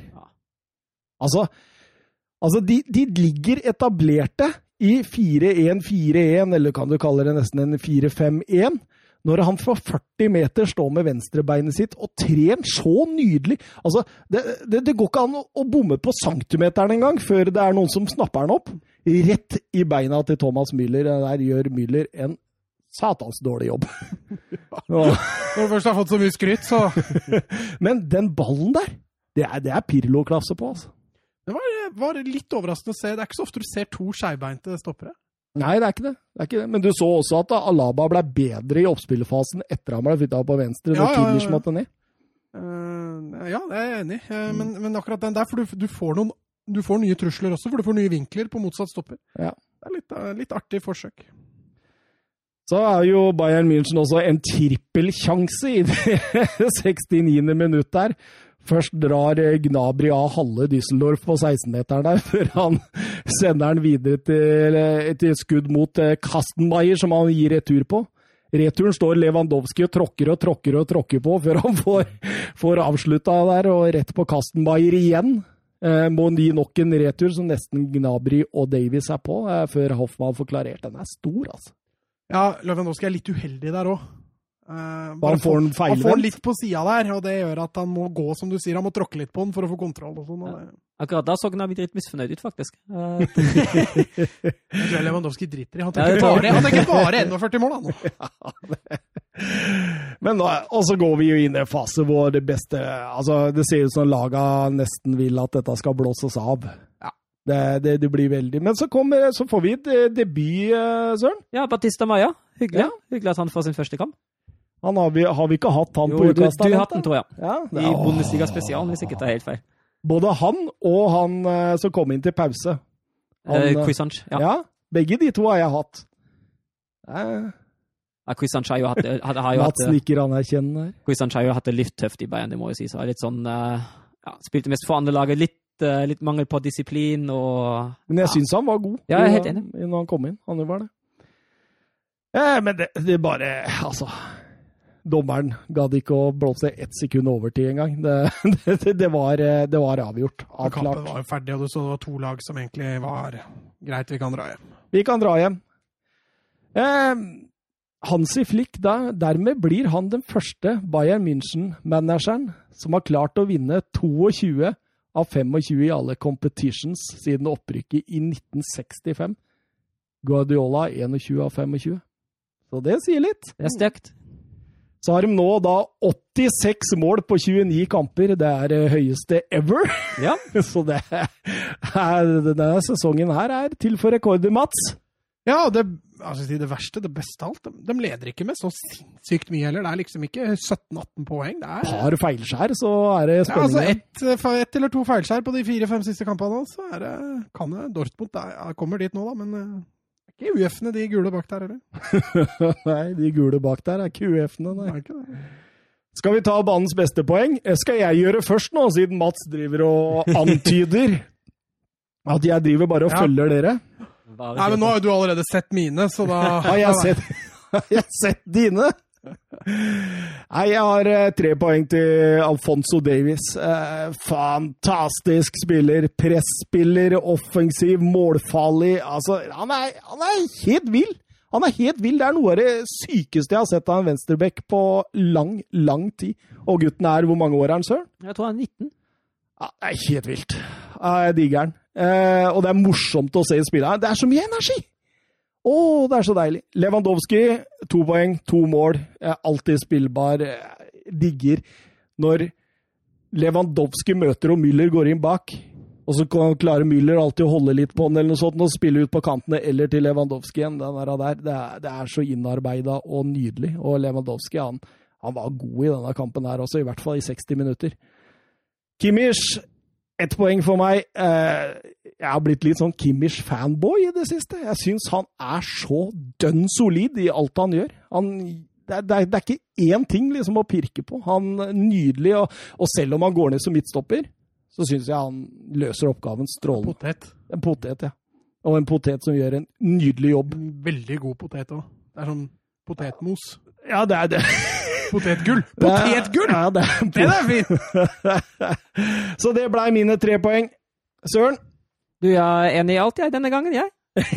du er det? Men jeg må jo sies at jeg syns det, det, var vanskelig. Jeg hadde, jeg hadde flere spillere jeg vurderte. Jeg vurderte Pavar, Gnamiri og Mulla i tillegg. Jeg syns det var fantastisk lakinnsats av hele Bayern, uh, men jeg endte til slutt opp på akkurat de samme som deg. Ja, jeg drar inn Müller, jeg, da. Uh, jeg syns han har uh, vært strålende de to siste kampene til Bayern. så Altså, Det er mye kreativitet der. Mye av den siste altså det, Når Bayern først kommer til å møte motstand, så tror jeg det er Müller som kommer til å måtte være den bokseåpneren deres, så lenge Tiago ikke er på banen. Uh, så jeg har Müller på to poeng, og så er Lewandowski på, på én. Du sløyfa Kimmich, da, som andre ord? Helt riktig. En kamp ja. som det her, så føler jeg altså at han blir litt overfladisk. Dette er en kamp Bayern hadde vunnet 5-0, uten Kimmich også. Ja, det, det, det, hadde de for så vidt, men de hadde sannsynligvis vunnet 5-0 uten samtlige. Altså, du kunne uten tatt, samtlige?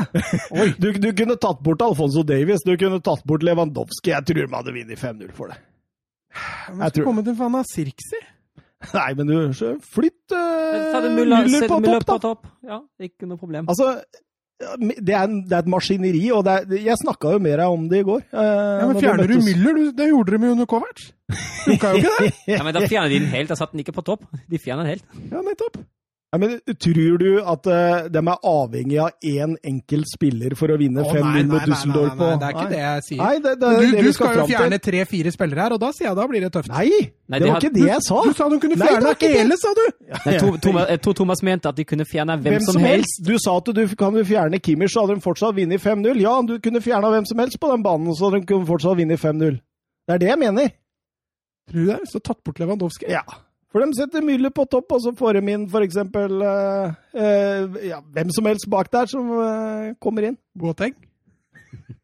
ja, men altså, det, det, er så mye muligheter da i det laget der. Det er så mye Nei, jeg skal ikke være, skal ikke være, være, være vanskelig. Du har nok helt sikkert rett. Og de var ekstremt gode, og dette er et maskineri. Jeg tror liksom Sånn som Düsseldorf. Jeg, jeg, jeg, satt og tenkte på det litt etterpå, at hva skulle Ove gjort annerledes?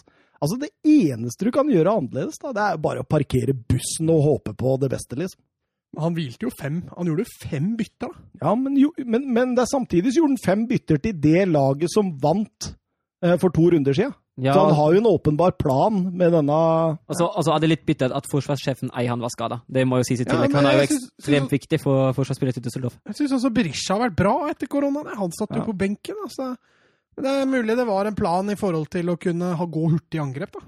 Ja, ja, altså, Berisha er jo boks til boks. Altså, jeg ser ikke den heller. Altså kan det jo fort tenkes at han mente at Bayern det er en bonuskamp som man ikke, bare ikke skal ødelegge for mye, og at man heller skal ta poengene mot de andre lagene man møter. For ja, å det er jo litt skummelt, da. To baklengs til, da, så hadde de som du sier tapt det ene poenget av målforskjell.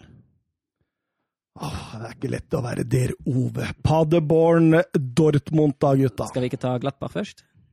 Vi kan ta Gladbach først, jo. Ja, det kan vi ta. det kan vi ta. Det hadde ikke vært så viktig, da. Nei da. Men, men uh, det kan vi gjøre. Uh, klasseforskjell på Borussia Park, eller? Ja, uh, Andersson uh, skåra på huet igjen. da. Satte ikke han en rekord da? Har du det der? Da har du lest med enn meg. Jeg tror han er nå den med flest mål på huet, eller noe sånt. Ja, ja. Nei, det kan godt hende. Ja, mulig det leste feil. Jeg vet ikke. Jeg veit i hvert fall at Florian Neuhaus skårte Borussia München-Glabachs 3000. mål i Bundesliga. Og det var litt av krigemål.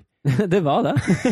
Han ble felt to ganger på veien framover der. og få lempa ballen inn i stolpen og inn. Strålende mål. Jeg synes, jeg digger egentlig Neuhaus òg. Syns han er bra, altså. En ja, motor. Er, ja, det er motor. Ja.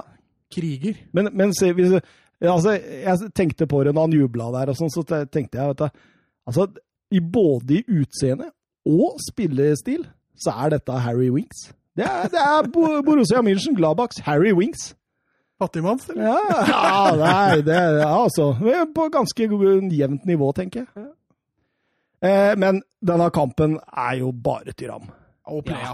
Plea, Plea Tyram. Ja, jeg Ja. har to assist og Ja, jo da, er, men eh, Tyram. Tyram, Tyram. Ja, greit. Vi tar Ja, Tyram. Tyram. Fantastisk. Ja, helt enig. Visste du at han har en lillebror Eh, nei, visste Som, han hadde en far? som er sterkt rykta til AC Milan? Oi, oi, oi. Hva heter han? Tyram? Ja, han heter Turam, eh, men han har et litt kronglete fornavn, så jeg tør ikke å begi meg ut på det. Men, eh, men eh, det kommer en Turam til, som skal visstnok være en eh, sittende midtbanespiller, kriger. Hva tenker vi? Når eh, Tyram satt eh, 2-0 der med hodet, så går han ned eh, Tok rett og slett en Colin Kaepernick, eh, San Francisco 49ers eh, quarterback, som under en nasjonalsang eh, gikk ned på kne sånn til eh, støtte for rasisme. Jeg syns det, det er herlig. Ikke for Nei, rasisme, mot rasisme. Jeg syns, jeg syns det er herlig. Det var, var ikke den eneste. Det var både, både han og Winston McKennie, uh, samt Sancho og Hakimi, som uh, posisjonerte seg veldig tydelig. Jeg syns det er veldig fint at spillerne tar samfunnsansvar. Eh, Jeg hadde ønsket det gjerne fra flere spillere. Jeg syns det er litt synd at det først og fremst er fagete spillere sjøl som må ta den kampen her. Jeg hadde ønsket meg det fra flere ikke-fargete lagkamerater, og jeg syns i hvert fall det er en gedigen uting at nå Fotballforbundet tar etterforskning av disse fire spillerne pga. politiske budskap. Jeg mener at kamp mot rasisme er en universell verdi, og det er bare bra at spillerne engasjerer seg mot dem, særlig når Fotballforbundet sjøl stiliserer seg som en kjempeforkjemper for mangfold og inkludering og mot rasisme. At de nå skal eventuelt bli straffa for politiske budskap, det er helt på trynet. Ja, altså, men, jo, men Ja. altså, altså Jeg er ikke nødvendigvis uenig med deg. Jeg er ikke det. Jeg syns det Altså, kampen mot rasisme, den er ekstremt viktig, og en av de viktigste fanesakene vi mennesker har i dag. Eh, men hva Altså vi, vi, da, da må man jo Enten så må man akseptere alt eller ingenting i forhold til spilleres budskap, ikke sant? Altså, det, altså, det, det er mange saker som er viktige for mennesker ute i verden der. Altså, skal vi ta sånn fri Palestina-opplegg? Skal, skal alt være lov? Og, og Altså, hvem er det som avgjør hva som er viktigere enn andre? Nå snakker Altså- vi jo generell menneskeverd, da. Ja, men altså, Altså, det- men er ikke menneskeverd i Palestina, for eksempel? Da? Jo, jo, det, det Ja, altså, pal det. palestinere blir jo undertrykt. Ja. ja, de blir det. det vi snakker Ja. ja. Men, men hva er forskjellen for eksempel der, da? Så- altså, eh, altså, poenget mitt er at et sted må i så fall denne skillelinja gå. Og hvis ikke, så må man bare si nei til alt. Jo, men her har jo også, som Søren sier, Fotballforbundet gått ut og sagt at vi er uh, vi, vi er forkjempere av rasisme, holdt jeg på å si. Det er de jo selvfølgelig ikke, men uh, dem, dem er imot, sterkt imot det. Og så går spillere ut også og skaper samhold rundt det. Og dette er jo noe som du også sier, at dette er jo universelt. Ja, Altså, dette er noe som egentlig bør påvirke alle. jo, da, jo, da, for all syns, da syns jeg det er helt greit at spillere tar et standpunkt til det. Om det skal gjøres i kamp, så jeg skjønner argumentet ditt, eh, Thomas. For jeg, jeg sliter med å finne gode motargumenter til hvor grensa skal gå. Folk blir jo undertrykt over hele verden. Eh, Men, men Det er mye elendighet i det verden, da. helt Det er det klart. absolutt. helt klart. Og jeg, jeg skjønner jo det at et politisk budskap det, Du så oss i Premier League nå. Så var jo Lagene der går jo ned på kne, Ja, ja. alle Men, lagene. jeg- men jeg syns den er finere. Altså, akkurat den kan jeg ikke forstå at Fotballforbundet skal straffe, i så fall. At han blir etterforska for å gå ned på kne i en sånn Colin Kaepernick-måte. Den syns jeg bare er en fin gest. En bra Ålreit. Men hvis du begynner å skrive og rable på og drar av trøya ja, sånn ja, sånn som ok, det, er det, det er det du mener, Ja, ja. Å, ja, okay. Da mener jeg at da går du imot reglementet. Mm. Og, så, og så sier jeg ikke at det, det altså, Da må bare reglementet bort. Ikke sant? Og så syns jeg det er greit, men et sted må grensa gå. Og hvis, ikke, hvis du sier at det, det er forbudt, men det skjer likevel, så kan Nei, men det var for en god sak. Altså, det blir, det blir akkurat det samme som at hvis politiet stopper deg i 250 på E6-en her nede, og så sier du det at Nei, men eh, jeg har en som føder baki her, skjønner du. Altså, det, altså Årsaken er grei, men likevel så må du ta noen forhåndsregler. Du kan ikke sette alle på E6 i fare fordi kona di føder. Ikke sant? Det er poenget mitt. Ja, det, jeg skjønner hva du mener, eh, men den å gå ned på kne der, det, det ser jeg på. Den er flott. Ja, jeg synes det ja, jeg, og det er der jeg ville. Er- Jeg vil hylle den. Men det er Sancho du reagerer på, da, eller? Ja, blant annet Sancho, som eh, drar av seg trøya og får gult kort for det. det jeg, altså, Men der er jo regelen lik for alle, da. Ja, han, han får, han får, Uansett hva du ja, har og han får jo ikke for politiske Nei, budskap. han får for Hakimi drar jo opp drakta si og viser budskapet, og Ja. han får ikke gult. Nei, han gjør ikke det. Og Messi også har gjort det mange ganger. Bare holdt drakta oppe. Han tar den ikke av, bare holder den oppe bare fordi det er noe Men det er en flott sak, og jeg syns det er flott at spillere involverer seg. og det, Jeg er litt enig med Søren at det, det, ja, jeg, liker, jeg hadde likt å sett en hvit spiller gjøre det, altså. Det hadde, det hadde gitt ekstra mening for meg.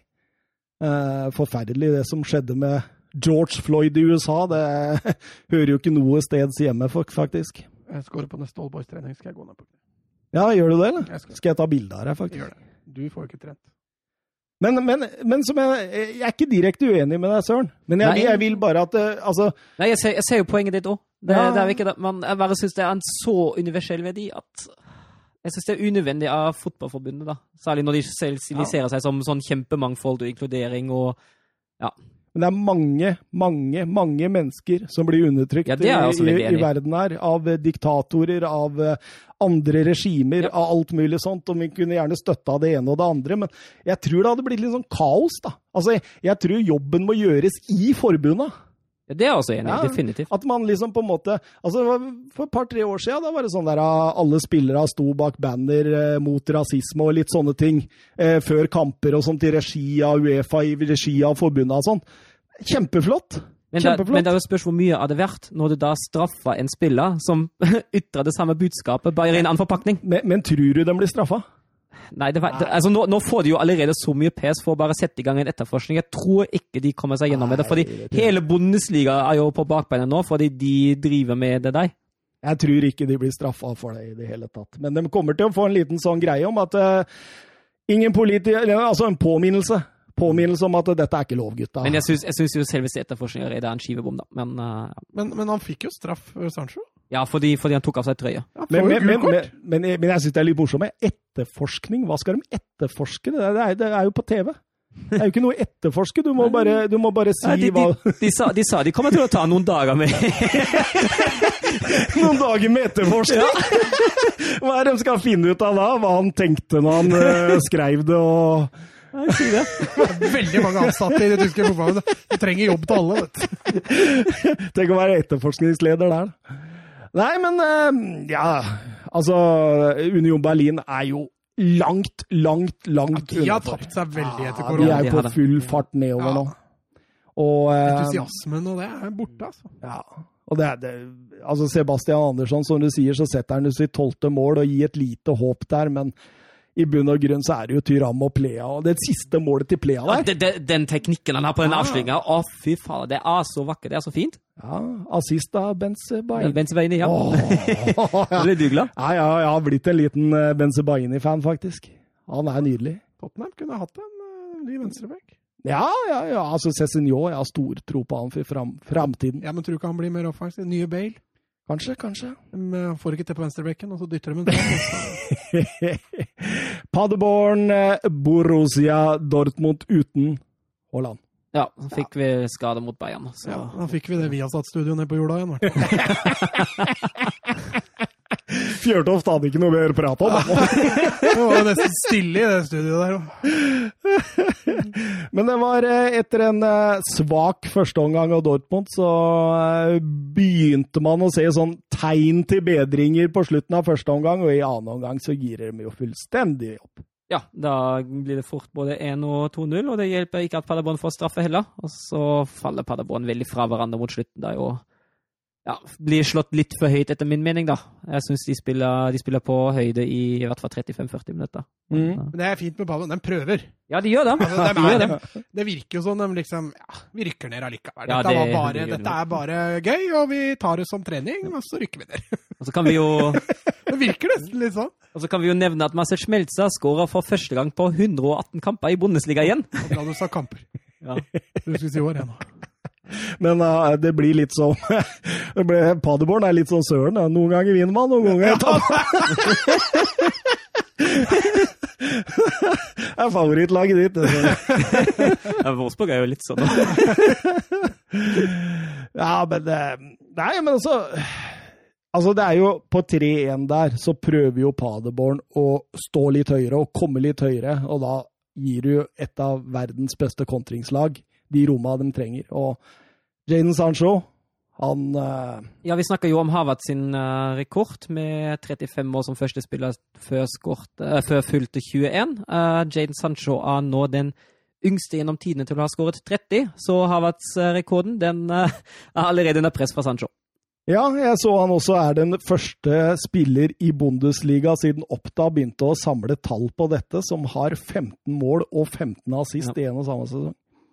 Det, og dette er en spiller disse kommentatorene på Viasat kalte dorsk. I første gang? Ja, men altså, altså Hvor mye kan de ha sett av Dortmund, tenker jeg. Altså, han kommer jo De har sett alt, men de ser jo bare på han nummer 17. Ja, det er jo kanskje de ser jo ikke noe, noe som skjer. Det er vel kanskje det det er. Altså, han, har, han, har, jo hatt fysiske utfordringer etter korona. Ja, ikke eh, sant? Uh, men så, altså, og så var han litt svak etter at han kom inn mot Bayern, det kan jeg være enig i. Uh, mot Schalke kom han jo inn når kampen er kjørt. Og mot Wolfsburg var han jo svært delaktig i 2-0-målet også da han kom inn, så jeg syns ikke det. Jeg syns dorsk blir veldig feil. Det blir, blir, hardt. Ja, det blir det. Ja, Men, men de mente de ikke dorsk i form av den første gangen? Nei, de mente i form av etter koronaviruset. Oh, ja. Hele, ok. Ja. Men, men, men, det er jo som Søren er inne på, han har jo åpenbart hatt litt sånne fysiske utfordringer. Så han har jo bare kommet innpå. Men hver gang han har kommet innpå, så har han jo gjort en bra match. Kanskje med unntak av Bayern München, men da var jo hele Dortmund egentlig for dårlig, mener jeg. Første gang på siden 2017 at Bayern ikke hadde mest ball ja. i løpet av matchen. Dortmund, mener du? Ja, mot Dortmund. Ja. Det, er, det er heftig. Ja. Köln eh, RB Leipzig, da? Ja, da begynner Köln veldig bra, syns jeg. Ja, veldig modige, spiller, spiller veldig høyt. Eh, presser veldig høyt. Eh, belønner seg sjøl etter sju minutter ved Cordoba, og dessverre ser Opamichano igjen ikke sånn superbra Jeg syns han, eh, han, har vært svak nå de siste to, dessverre. Det er veldig trist. Jeg er egentlig en veldig stor Opamichano-tilhenger. Jeg hørte de engelske kommentatorene var opptatt av at det var keepertabbe. Jeg syns Opamichano er litt treig. Ja. Altså, er, det, det, det, kommer til å bli ankepunktet. Altså, han kommer til å bli kjøpt for mye penger en eller annen gang av en storklubb, eh, men jeg tror at det ankepunktet mot han kommer til å bli hurtigheten. Han er ikke rask nok. Og det kommer Altså, han er livsviktig for han å ha en rask midtstopper ved siden av seg. Ja, eller som, eh, som sentralt punkt i en trebekslinje. Da funker det også veldig fint. Litt som samme som med Hummels i Dortmund. Det, ja. det går jo ganske ålreit. Altså, det fungerer i hvert fall veldig ålreit når han har Klostermann og Halsenberg, egentlig bekker rundt seg, som mm. ikke akkurat er de treigeste. Absolutt, men jeg, eh, eh, altså blowen til, til Køllen kommer jo når Cordoba må ut med ja. Altså, de får 1-1 imot seg når Cordoba er ute, 10 mot 11. Og det at Cordoba også, som starta kampen strålende, ja. må ut med skade, det er jo et stort blow. Det er det. Litt sånn eh, Altså, begynner å føle at det, det er marginene RB Leipzig som regel har. Mm. Men de også har litt samme som bortesyndromet. De har ikke vunnet en eneste hjemmekamp etter koronaen, og vinner bare borte. Ja, det, er, det er jo til sammen tolv lag som ikke har vunnet en eneste hjemmekamp etter korona. Det er helt sykt. Men eh, Leipzig skrur jo opp tempoet etter hvert, og nydelig mål på den 1-2 der med Nkunko. Ja, altså jeg så Viasat som la ut en video at det gikk vel tolv sekunder fra, fra Köln hadde ballen i etablert forsvar der, eh, til ballen lå i mål for Leipzig. Det gikk fort, og det gikk veldig presist. Og avslutninga til Kunku var det vel hvert Men også forarbeidet til Liner? Ja, herregud. Jeg er, jeg er helt enig med, med kommentatoren. at De touchene han gjør der, det er helt fantastisk. Det er ikke et sterkt press av Köln heller. De åpner, jo, de åpner, jo, veien for den fordi de skal presse den, og så bare tar han én liten vending der, og så har han lurt unna hele Köln for det. Forsvar og midtbane. Apropos Køllen-forsvaret, 1-3 med Timo Werner der. Ja, assist Gulashi. Den var jo ikke der. Nei, den var jo ikke der. Nei. Og det, det, var, det, var, litt, det var litt det Timo Werner gjorde i andre omgang. Han la, seg, han la seg ikke sentralt, han la seg på en av de to kantene, som stort sett var veldig høyt oppe i banen. Og så hadde han god avstand til midtstopperen, og så var han kjapp nok til å løpe fra han. Det var ikke den eneste gang. Det var den gang som ga mål. Uh, men det, var, det, var, oppskriften til Leipzig og Timo Werner i kontringsspillet i andre omgang. Timo Werner han setter den jo greit. Mm. Ikke, han, eh, ja. han, gir ikke Lewandowski pusterom. Så var Gulashi den første keeperen siden Frank Rost på midten av 2000-tallet som har to assist i samme sesong. Han hadde jo én mot Wolfsburg òg. Oi, oi, oi. Og mot Wolfsburg. Ja. På Wolfsburg en, en eh, rekord der òg, da. Antony Modest uh, lager spenning. Ja, fin skåring. Ja. Absolutt. Vender opp der og, og, legger den i kontrollert Det er et fantastisk smart skudd å legge den rundt stopperen, for keeperen ser ikke utgangen. og det I tillegg såpass hardt og godt plassert, så fin skåring. Og så er det din lille Dani Olmo som setter 2-4. Ja, det er også veldig bra gjort. Eh, keeperen ser jo ikke en puck etter at det står 2000 folk foran den, men han ser en åpning der, Olmo. Du ser han ser åpningen, for han legger den der, og det er fin skåring. Og punkterer jo kampen rett etter at uh, Køllen fikk et lite håp. Ja, da virka det som lufta av ballongen Ja, var da var, eh, det, da var det over. Da var det over, Søren. Det var det. Og da, da, da vinner de tre topplaga, da. Eller de fire topplaga, er det så? Til og med de Alle fem. Alle fem. Ja, Alle fem. Ja, Alle fem vant, ja. Uforandra oppi der. Ja da er Leverkosten ligger fortsatt på den litt kjipe, kjipe femteplassen, men det er, eh, de ligger A-poeng med Gladbach, og, og det er to poeng opp til Leipzig og fire poeng opp til Dortmund, så det er uh... Og Wolfsburg har siste e-cup-konkurranse Ja, mot Ja, eh, men andre hvem Hoffenheim. som vinner cupen, da? Hvis Uh, Bayern vinner cupen, ja. så blir det sju, men, ja, eh, men da, da har du den, da har du den litt kjip at du må spille kvaliken og så ødelegge den egentlig hele oppkjøringa til sesongen. For da, da må du faktisk reise til sånne steder som du ja, kanskje ikke vil reise til i en oppkjøring. Mørk bakgate i Glasgow, eksempel. kan du møte van Dijk og Diego Carlos. Men eh, jeg ser jo Wolfsburg har jo bra målforskjell Ja, i forhold til uh, konkurrentene sine. det stemmer. Så det er, egentlig, det er jo et ekstrapoeng, det der. Ja, enn så lenge, da. Ja, vi møter jo Bayern på siste. Ja. Skal vi snakke litt uh, overganger og rykter som vanlig, eller? Ja. Det er deilig. Eh, første rykte vi skal eh, dvele litt ved, det er jo dette Newcastle-oppkjøpet. Vi venter jo fortsatt på en bekreftelse. Tatt eh, mye lengre tid enn vanlig, men eh, de aller fleste rapportene tyder på at det snart går igjennom, Mats. ja, venter i spenning. Ja, du gjør det? Foreløpig? Venta i mange måneder. Ja, det, men husker du vi venta på Newcastle-oppkjøp på denne tida i fjor òg? Ja, Det kom aldri. Nei, gjorde ikke det. Men eh, du påstår at det er mye nærmere nå, da. Du leser om det i mediene nå, at eh, det virker som det går den veien. Men eh, det er ikke noe som er skrevet under ennå. men, men nå er jo selve den der ah, saudi-arabiske TV-kanalen som piratsender Premier League. Nå har de selv om eh, på en måte klart å finne en løsning på den. Og da tenker jeg det må jo gå igjennom. Ja, det er fare for det. Kolobali, da. Eh, The Express eh, sier at eh, PSG har trukket seg fra forhandlingene pga. et stormløp av Manchester United som gir Liverpool kamp nå. eh, 75 millioner pund. Hvor koronapris. Koronapris, ja. Hvor tenker dere denne Kolobali ender opp til slutt? Altså, hvis en, hvis en får velge sjøl, tror jeg det blir, det blir Liverpool, egentlig. Hvis Liverpool virkelig vil, da tror jeg Liverpool får den. Uh, og det hadde jo vært fantastisk midtforsvar med van Dijk og Kolibali. Det, Det vil ikke møte i en mørk Nei. planbakgate i Glasgow. men det, det, hadde jo vært, det hadde vært helt gull. Men jeg, altså, jeg, jeg tror ikke bare av det du nevnte med Sadio Mané. uh, jeg tror for tiden er det mer fristende for en fotballspiller å spille for Liverpool enn for Manchester United. Det er jo I litt dette eh, Sancho. Nå mista vi 20 United-supportere. Vi- 20? Det er 50 det er ikke Av lyttere av Nei, men altså, det, det er jo som det er. Når du, når du spiller Champions League og er det for din beste lag i England, da har du større stålkraft enn uh, sjett, femte-sjetteplassen. Ja, Ja, det er jo, det er jo fotballens, eh, fotballens regler. Sånn er det bare.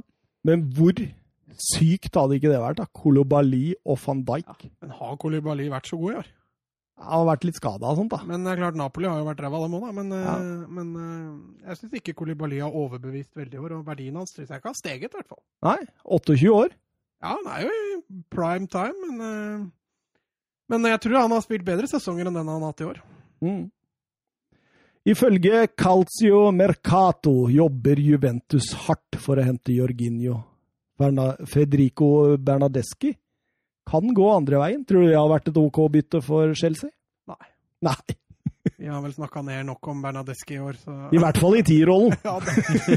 Men den Jo, Chelsea har tierrolle, den. Ja, Eller i hvert fall innimellom. Men han skal ikke i den tierrollen til Chelsea, i hvert fall. Da, da er det et dårlig bytte. Han må ut på kant. Han må nok det, da. Ja. ja, ja.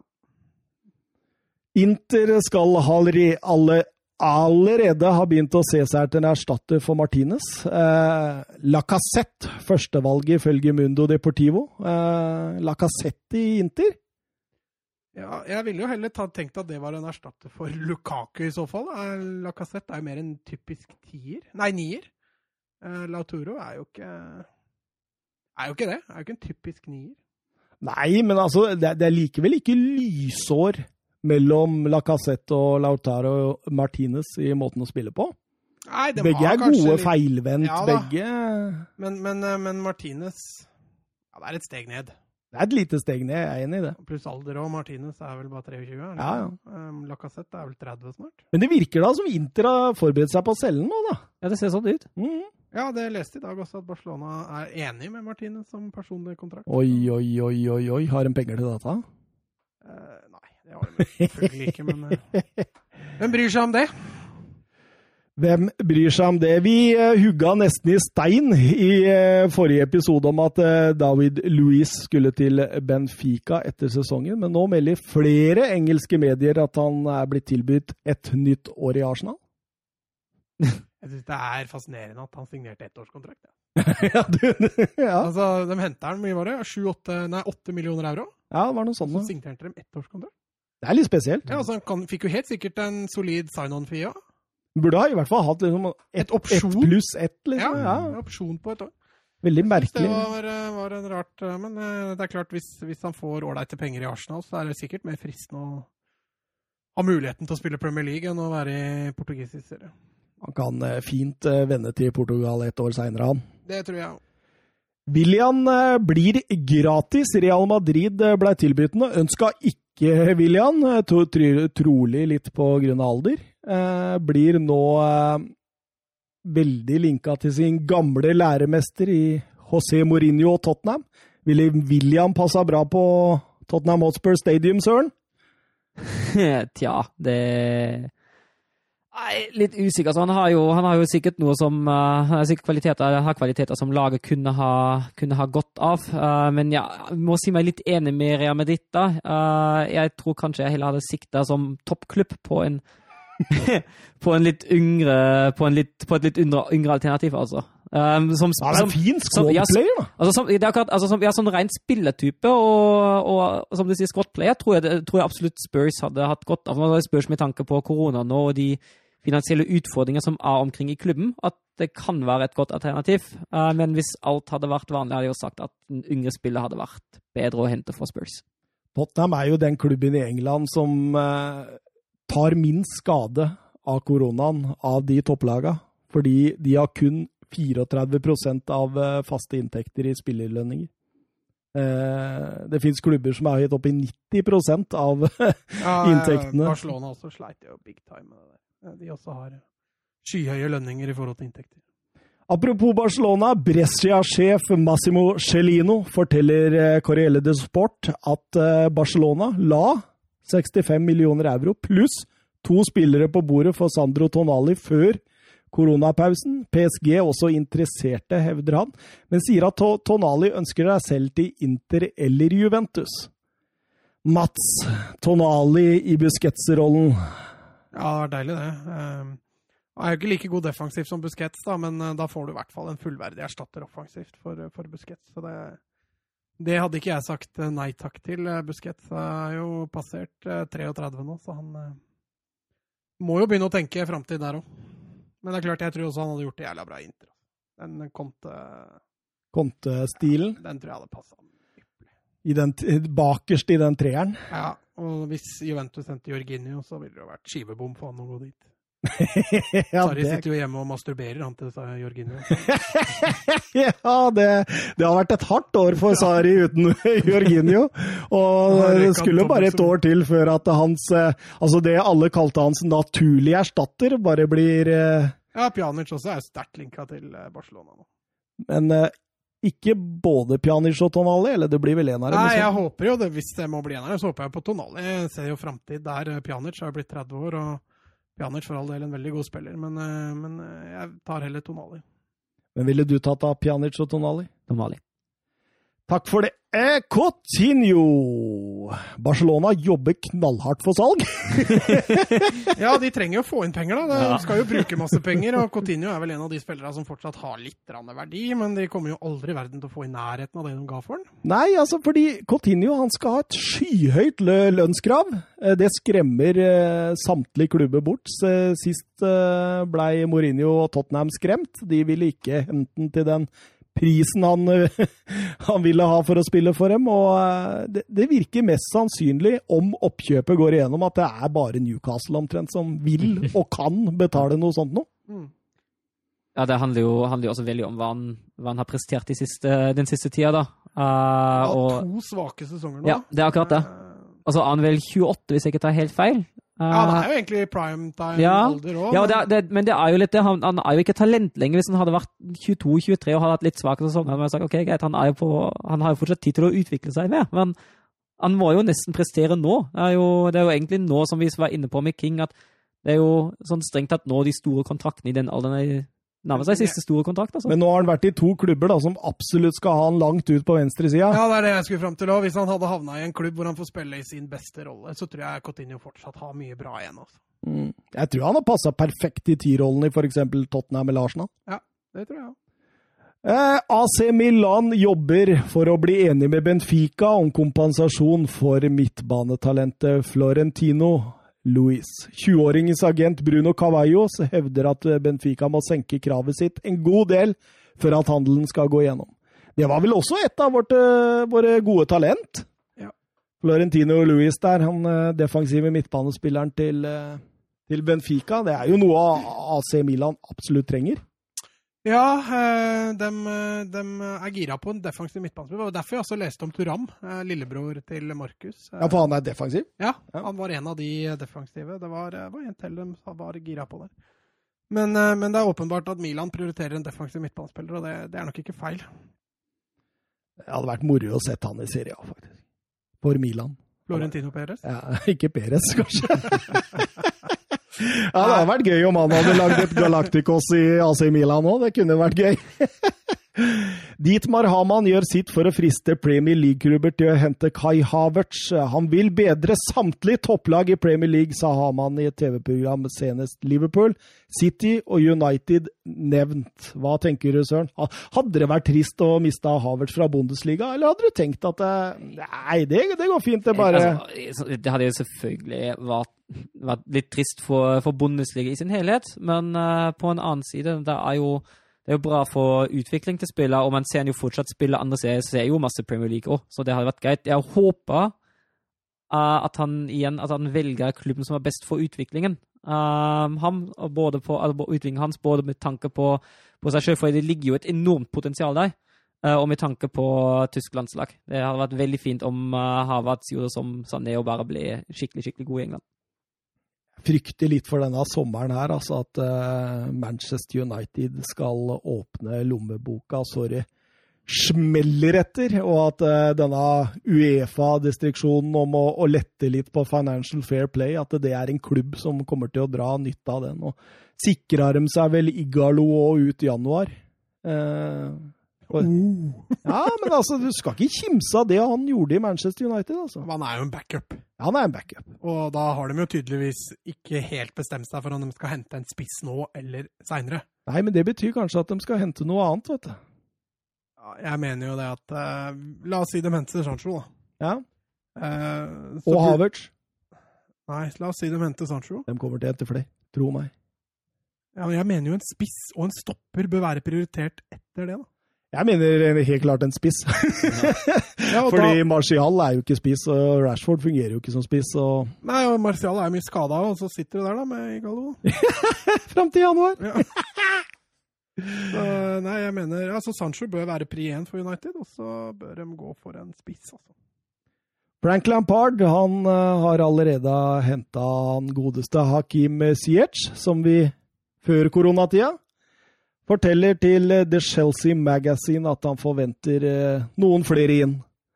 Ja, vi har vel vært innom det òg. Hvor tenker du Lampard må, må Nei, styrke? Nevnte jo før spissplass, i hvert fall. En backup ja, til Abraham, eller kanskje en som kan utfordre han? Ja, det, jeg tenker, tenker, faktisk utfordre også. Uh, Abraham er jo bra på sitt beste, men uh, når han ikke er på sitt beste Det, det er for mye vingling der fortsatt. Um, men trenger de også ikke en sjef i midtstopperrollen der? ja, det vi, var vi jo inne på i fjor ja. sommer òg. Uh, godeste Tomori positivt overraska, men ja. han også varierer veldig. Rudiger mye skada. Ja, også Christensen òg har vært en del skada og variert. Veldig variert. Ja, og Zuma syns jeg har vært tidvis vært svak, selv om han også har hatt noen bra kamper. så... Rudiger er god, altså. Ja, han er god. Han, han er bra, men han er jo mye skada for tida. Ifølge en eller annen eh, Todo Fichis er eh, Stefan Savic åpen for klubbskifte. Han ønsker seg til Tottenham, ifølge denne kilden, og Savic eh, eh, hva, hva, tenker du som at Savic i Spurs hadde funka? 29 år nå. Åssen har han vært i La Liga de siste par åra? I år har han vært litt skada, men han er jo en bunnsolid stopper, da. Mislyktes vel i, i, City før han prøvde seg i Kom til 2015 til Atletico Madrid fra City. Ja, stemmer.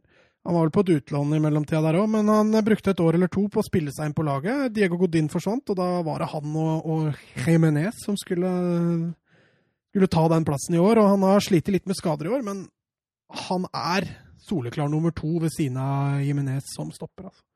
Er, men nå har jeg så at Atletico har signert langtidskontrakt med en ung argentinsk stopper, Perez, som er på utlån i år. Så de, de forbereder seg kanskje på, på et uh, spillersalg på stoppersida. Ja. Oli Hønes eh, sier til eh, radiostasjonen Bayern 1 at vi håper Leroy Sané vil være med oss neste sesong. Ja, han, har jo, han jobber jo som, han har jo en stilling som ærespresident nå, så han er ikke helt involvert i det operative. Det var vel Oliver Kano som, som, var litt sånn usikker på om Leroy Sané i det hele tatt var gjennomførbar med tanke på situasjonen nå. Men jeg mener jo absolutt at Sané hadde vært en veldig god overgang for Bayern. Og de trenger liksom en med Koman ja. på sida der. Ja, jeg er helt enig. Altså, du har jo, altså, problemet med Koman er at han er, han er mye skada. Uh, og så har både Gnabry og Komo vært litt sånn ustabile den sesongen her. De er jo fortsatt unge begge to, det er jo greit nok. Uh, men jeg mener absolutt at Sané hadde hjulpet Bayern virkelig på veien. Det er sånn... Men Sané er klart best på venstre, der hvor ja, Gnabry ja, det er han. Nei, der hvor, der hvor Koman. Nei, Koman spiller jo høyre. Han gjør egentlig Ja, ja men, men, har ikke de bytta noe voldsomt på? Ja, de bytta veldig. Altså, de, de, spilte jo mot Düsseldorf. Spilte jo først uh, Gnabry startet jo på venstre og kommer på høyre. og Andre omgang var det jo spilte, Motsatt, spilte, ja. ja det, går, det, kommer til å gå greit at Gnabry kan spille på høyre. Det er ikke noe problem. Men uh, Sané er en klar venstre. Ja. Så han vil jo eventuelt Får mye høyrebeint uh... men, men, i samme intervju så sier jo Ole Jønnes også at det blir vanskelig å hente Havertz. Uh, det, det, det, betyr jo det i så fall da at en må velge mellom Havertz og Sané, da, for det er vel samme prisen omtrent? Nei, ikke helt, fordi nå, det ryktes sterkt at City er villig til å gå ganske kraftig ned på Sané. Uh, ned til 50 millioner euro eller pund. Å, der, der, er, der ja, er gratis, Bayern, altså. Bayern, vil ha, Bayern vil gi 40, men altså, sist jeg leste noen konkrete tall, var det ikke så langt fra hverandre. Uh, mens Havertz, da, det kommer ikke til å gå under tresifra eurobeløp. Altså. Det... For, de, for de snakka jo i hvert fall om 80-90 sånn før han ja, før fjor, fjorårssesongen. Ja, antar at Sané kanskje har gitt klar beskjed til klubben at han ikke kommer til å få ny kontrakten, og at de fortsatt vil tjene penger på han. Ja. Uff, uff, Sané. Han er bra på sitt beste, altså. Ja, nå har han jo vært fryktelig uheldig i år, da, men uh, jeg husker jo det Var det to år siden hvor han var så fantastisk bra? Ja, og så tok Løven ikke med til VM. Ja, det stemmer. Ja, det stemmer. Det var den 17-18-sesongen Yep. hvor han var så Søren Storks på sida her, han fikk uh, skyte inn litt uh, kritikk til Jogge Løv. Ja, det... Deilig, Søren! ah. Saola, han uh, Han hadde et lite stunt, han, Mats. Ja, det er jo ikke helt over ennå, da, men uh, den skal jo, alle, skal jo annonsere ny klubb i morgen, ifølge Twitter. Nå hører jeg det er snakk om e-sportklubb, altså at han ja, er ganske var, heftig linka inn i Fifas verden? Det var jeg, Du skrev det jo til meg på Messenger der, og jeg, så, jeg, har liksom ikke lest noe rykter i det siste om Saul. og, og så så jeg også den Petter Wæland, La Liga-guruen, også ute og sa at dette er bare men, men det jeg tenker på, da. Har dere noen gang vært borti at en spiller annonserer noe sånt noe tre dager før en overgang? Nei, det er derfor jeg også skal fram til at det var, det var, mest PR, det her. Det er ikke så ofte det. Og, og Saul, da, som er såpass glad i Atletico og Vichavacha, så tror jeg ikke det er måten å forlate klubben på. Altså. Nei. Mauro Icardi permanent, 50 eh, pluss 7 millioner euro til PSG. Da blei det ingen Vandanara i Newcastle, da? Nei, PSG har fortsatt penger, da. PSG har fortsatt penger. Ja, men det er 10 millioner mindre enn utkjøpsklausulen hadde vært. Så de har forhandla litt ned? De har forhandlet litt ned pga. korona. Ja. Mm. Og det tror jeg Inter syns er helt greit. Ja, jeg tror de var egentlig veldig klar for å kvitte seg med Jeg tror også det. Jeg tror ikke det var en Conte-elev. det virka ikke sånn. Nei. Lill-eier Gerard Lopez sier at de har mottatt flere bud på Victor Oshimen allerede, men at han ikke, akt, ikke akter å selge han for mindre enn det de fikk for Nicolas Pepe fra Arsenal før fjor. Det er før inneværende sesong blir. 72 millioner, altså. Er han verdt det, søren? Hvor lang kontrakt har han? da? Eh, det er jeg litt usikker på. kom jo før sesongen, så må Ja, har, han med, har han tre år eller mer, så er han jo kanskje Så kan de jo stå på krava. Mm. Så lenge ikke spilleren begynner å altså, Han er jo 21 år gammel. Klarer vi å finne ut hvor mye Ja, det gjør vi. Um, altså, jeg leste jo om Oshimen. Uh, manageren, eller agenten hans har gått ut nå uh, og snakka om uh, Tottenhams interesse. Mhm. Og da hadde han sagt at nei da, jeg har fortalt Mourinho at hvis du vil ha Oshimen, er er det sånn at Kane går. Fordi Oshimen uh, skal ikke være villig til å, til å gå til Tottenham så lenge Kane er der, fordi de anser Kane som soleklar nummer én spiss, og han har ikke lyst til å sette seg på benken bak Kane. Det er jo Kane et rasshøl, da. Det er ingen som liker Kane. Jeg har hørt flere spillere som sier at nei, så lenge Kane er der, så vil ikke vi være der. Han har kontrakt fram til eh, sommeren 2024. Ja, Da da er det tre år igjen. Det er Altså- fire år igjen. Altså, jo spørs, altså hvis Ossimen, de, de vet jo også hvis Ossimen går, eh, går, blir det jo mest sannsynligvis Premier League, og da er det klubber som kan betale til deg. Det handler jo om å, om å stå på kravene med tanke på at når du har Melkepund. Ja, og det gjør jo flere klubber i Bundesliga også. Melkepund av disse britene over der. Som er så jækla stinne, ass. Irriterende for oss andre. Juventus vurderer å sende Rabiot pluss penger for å få Pogba. Du koser, du koser deg, da. Ja, det er, ja, det er morsomt. Rabiot til Old Trafford, det hadde vært gøy. Det hadde vært gøy. Jeg liker formuleringen Rabiot pluss penger. Ja, det sto ikke hvor mye penger, men det burde være en god burde være en del. Å, faen. Det burde ikke vært Pogba heller. Bare vurderer å selge Rabiot til United, pluss at United får penger. Men i United så hevder de at det er bare én person i hele verden som vil at Pogba skal bli til klubb, og det er Mino Raiola. oi, oi, oi, det. Juventus har fortalt Barcelona at hvis de skal slippe Miralem Pjanic, så skal de ha Ansu Fati tilbake, Mats. Ja, der har jo eh, Ansu Fati tilbake. Å ja, som oh, tilbake. Ja, Tilba som tilbakebetaling. ja, ja, ja. ja. Nei, der har jo Barcelona allerede vært uh, ute, så jeg har avkrefta det helt. At Det hadde vært galskap. Ja, det hadde vært uh, gale, Mathias. Vi avfeier den, Søren. Vi avfeier den. En liten greie om, eh, til slutt om Jude Bellingham, som har vært linket knallhardt til eh, Manchester United og Dortmund. Nå sier eh, Birmingham-trener Pep Cloté at uh, han skal jobbe knallhardt for å beholde 16-åringen i klubben. Han har uh, 32 kamper og fire mål i championship. Altså 16 år og 32 kamper og fire mål. Og i championship. Ja. 16 år! Det er ikke en barneliga. Altså. Tenk han i Dortmund, da. Det hadde vært deilig. Det var veldig deilig. Men Sancho går og Bellingham inn. Og så er det like, like Og Bellingham og Sancho, det er to forskjellige typer, da. Det er veldig to forskjellige typer, men likevel. Bellingham skal ikke inn og erstatte Sancho. det skal han ikke. Det skal han ikke. Oi, oi, oi. Nå har vi kommet til eh, Til eh, de eh, Allstar-laget, Søren. Ja, det er alltid gøy. Og, og jeg tenker det, ja. Siden du har jo desidert mest peil på hva vi snakker om her nå. Så tenker jeg at du skal lede denne delen. Akkurat det samme som av Mats. Du skal lede La Liga neste, neste episode. Da bare, Ja. da bare leser jeg opp laget, så er vi ferdige. Så da, Søren, da setter jeg egentlig ordet over til deg i Ja. denne Bundesliga Allstar 2000 til 2020. Ja, vi skulle jo finne elleve spillere fra 2000 til 2020 i Bundesliga i en 4-4-2-formasjon av av vår All-Star 11. Ja, endte med en god del navn på blokka. Noen posisjoner var enkle, noen posisjoner var vanskelige, men vi kan jo starte helt bakerst, snakke som vi har gjort før, snakke litt rundt hvilke spillere vi hadde, hvilke spillere vi endte opp med, og hvordan våre vurderinger var. Så kan jo du få lov å starte da, Thomas, kanskje? Da starter jeg med keepera mine. Eh, det, det var eh, Jeg drev og vurderte Har du flere Ja, ja, flere. enn én? Må jo ha med Oliver Kahn i dette òg. Ok. Oliver Kahn. Eh, han har åtte Bundesliga-seiere med Bayern Ja, München. 2000-tallet, Seks altså? etter 2000. Ja. Han har seks DFB-pokal, fem etter år 2000. Han vant jo Champions League i 2001, var det vel? Eh, Bøttevis av utmerkelser. Eh, Tredjeplass Ballon d'Or i 01 og 02.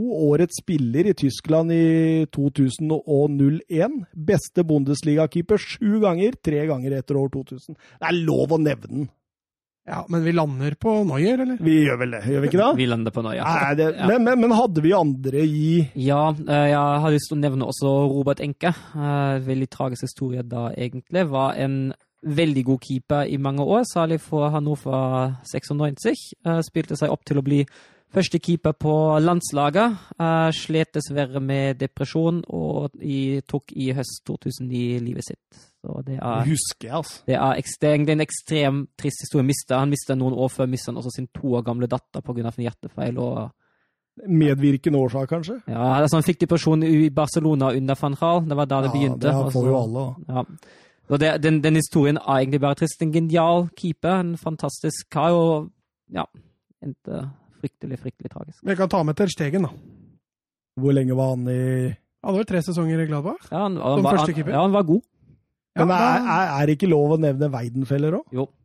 Weidenfeller var jo Han blir jo, han blir jo bedre jo eldre han blir. Han starter jo ganske dårlig, og så blir han bare bedre og bedre. Men han derre kløna med 72 sjølmål i den ene kampen, er han keeperen. 72 sjølmål? Ja, hva het han? Ba- dro Baumann? Baumann, ja! Ja. det han å nominere han, da? Oliver Baumann han Ja. spiller i Hoffenheim. Ja. Han er faktisk den spilleren som på 2010-tallet, altså i det, i, de, i det tiåret, har spilt flest Bundesligakamper av alle. Ja, Der ser du, da har han en attributt der. Ja. Jan Sommer, da? Jan Sommer. Timo Hildebrand kan også nevnes. Ja. Men vi falt på Ja, det er vel ja. Neuer. Ja. Neuer, Noyer er spikra, det er ikke noe å snakke om her. Han har vel eh, sju ganger seriemester, fem ganger DFB-pokal. Én gang Champions League, vant VM i Tyskland, eh, gjorde han også. Eh, årets keeper i Europa hele fire ganger. Ja, og så er det noe med at han har prega en helt ny spillestil. Han er den sweeper-keeperen. Og Khan han var, han var jo genial på streken og alt det der. Altså, Fotballmessig var han jo innimellom litt av en kløne. Og Noya han har jo alt. Og når du er så pregende for en hel generasjon av keepere, da syns jeg det er fortjent at du sitter der. Hadde ikke jeg, hadde Når vi rangerte keepere, hadde ikke jeg han som nummer én. Jo, jeg tror det. Jo, ja. du hadde vel det. Ja. Mm. Ja, nei, da må jeg ha han der, da. Ja.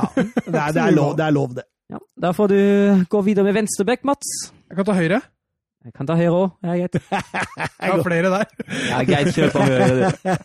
Altså, jeg landa jo på Kimmich, men jeg, jeg var faktisk sterkt innom eh, Ja, Lam selvfølgelig kan jo spille begge bekker, men, eh, men jeg, har, jeg fant ikke så mange gode på venstre. Jeg vurderte Willy Sagnol og Lukas eh, Piszek Mm. på, på Dortmund, men eh, snak, Jeg så du også snakka om det. Kimmich er vidunderlig, han er helt nydelig. Eh, kanskje han er best defensivt som midtbane, men eh, Høyrebekk tror jeg er det enkleste å få han inn. Altså.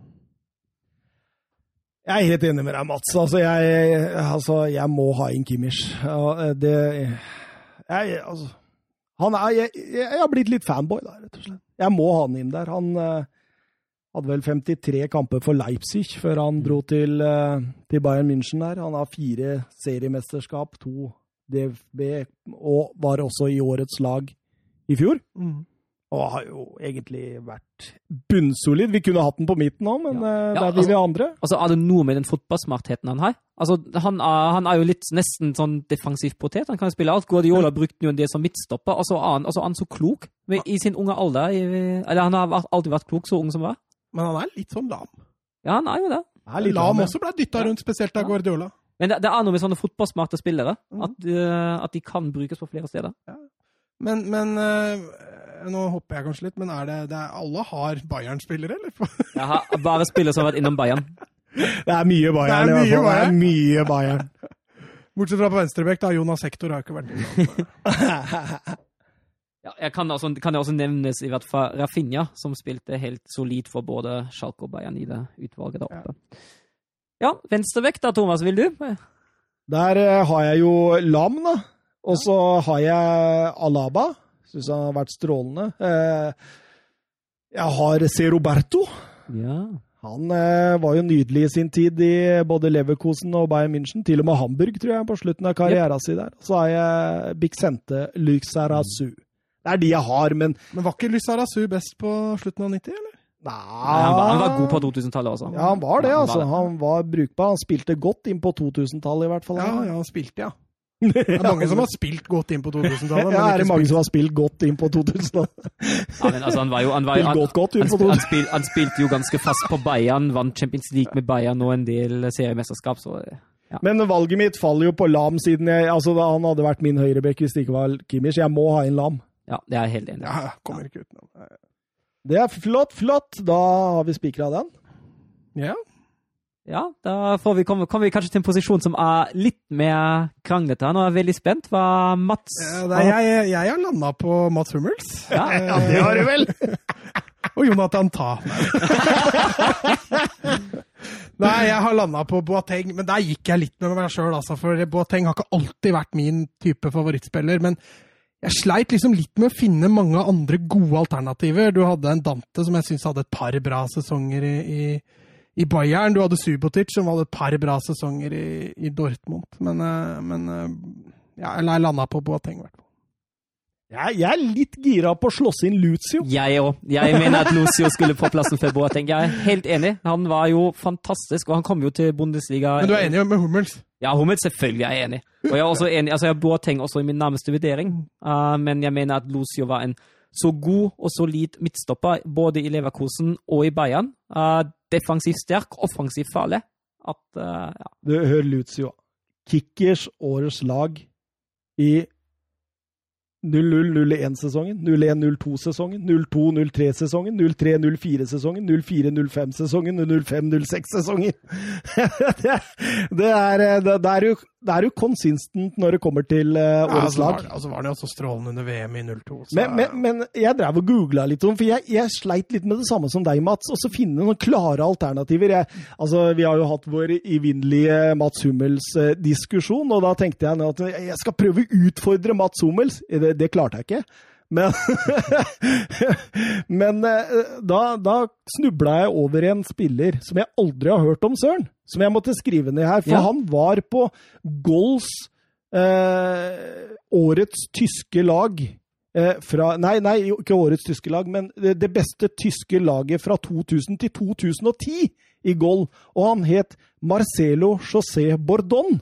ja, han, uh, han brasilianeren i Schalke, han var strålende i sin tid. Han var helt fantastisk. Jeg fantastisk. skjønte det på Ja. de òg, men jeg har aldri hørt om han.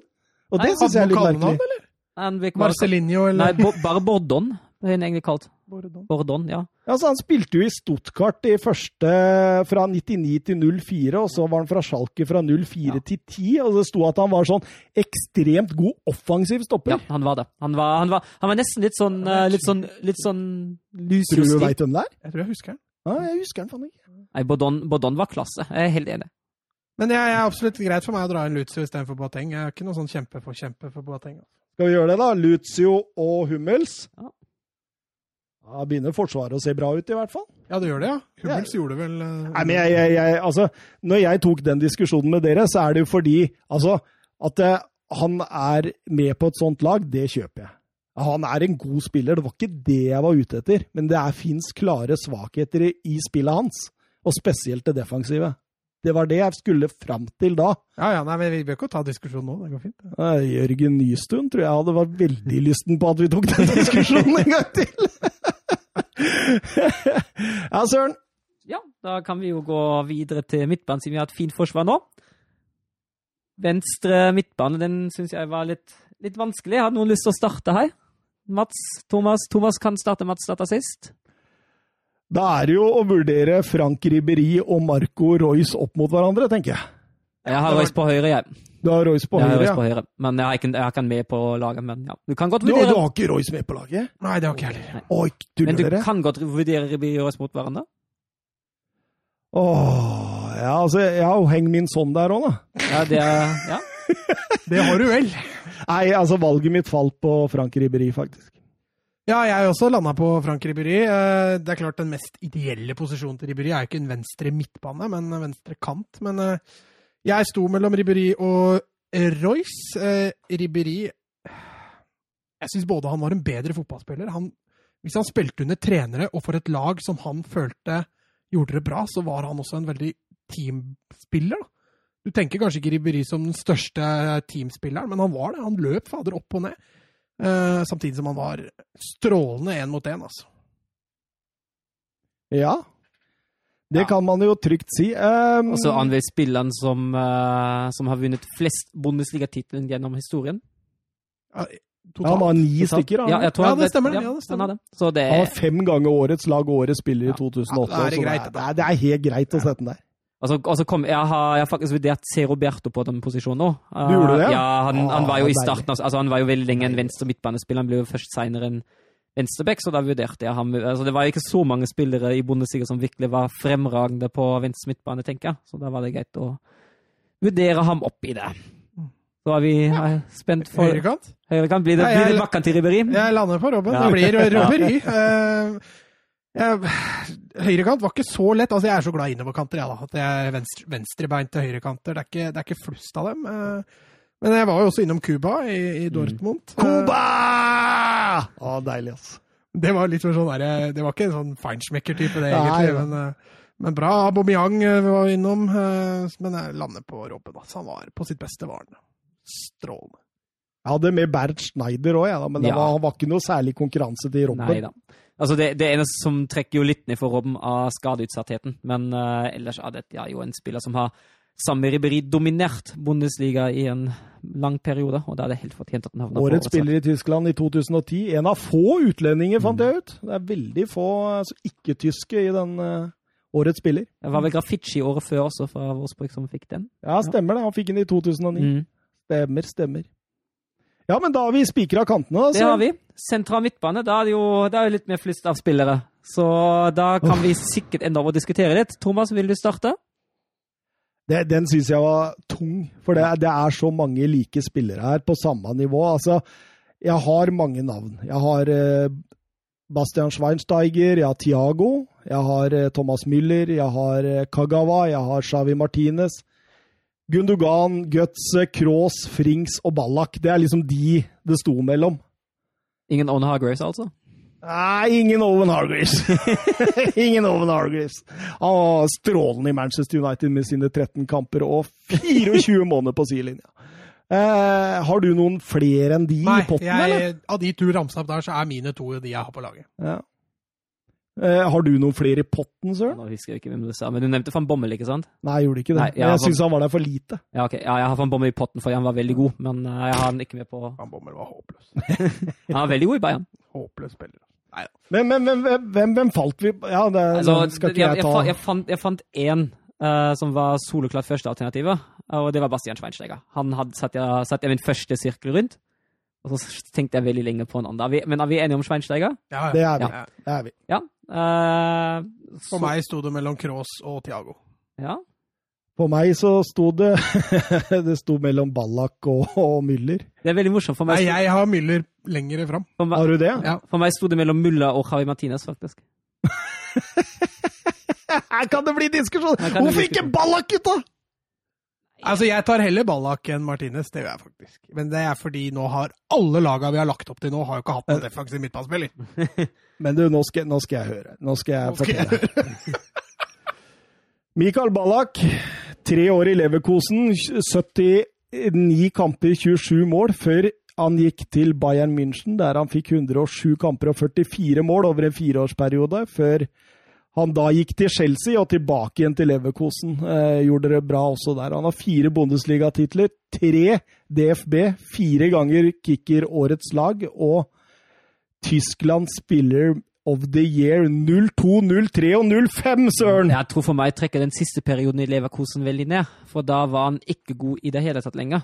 Uh, og det er jo litt sånn sånn han sa ha det. Og det var jo litt synd, for han var på sitt beste, var han jo en fantastisk spiller særlig tidlig på 2000-tallet. Men jeg husker også veldig godt den svake perioden mot slutten i Leverkosen. Det er kanskje grunnen for at Ballack falt gjennom hos meg. Ja, før han gikk til Bayern, eller når han kom Nei, tilbake han kom fra tilbake Chelsea? som eldre spiller. Da Hvor gammel var, var han da? 33, var han Ja. Han var jo strålende i Chelsea. ja, men det var, han var svak i Leverkosen etterpå. Altså. Det kan du ikke spille inn her, eller? Nei, det kan ikke spille inn her. Men jeg, jeg syns Altså, Han jeg- er jo mange år i Bundesliga, han gjør det bra.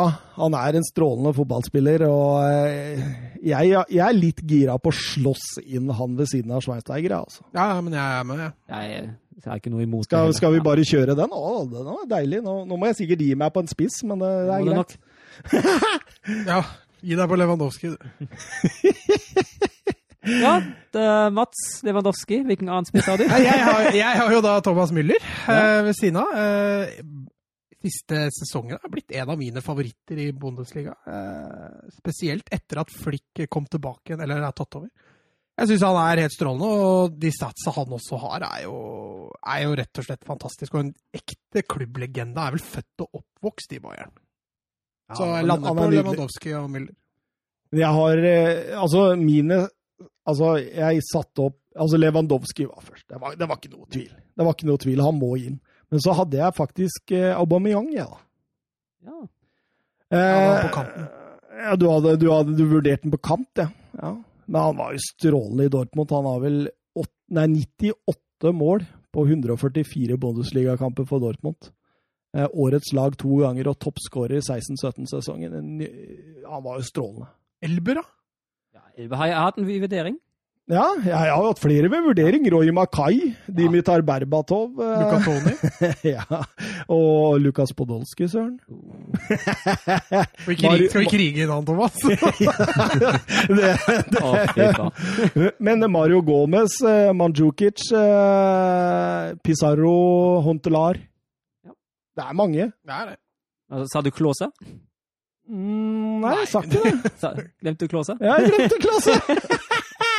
men, men altså for meg så står det jo da mellom Altså, altså jeg kan godt være med på, på Müller og Lewandowski, ja, altså.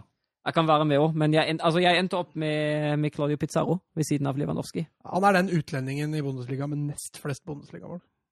Og han har jo, han har jo spilt det. Altså, han har jo vært i Bundesliga. Han var i Chelsea fra 2007 til 2009.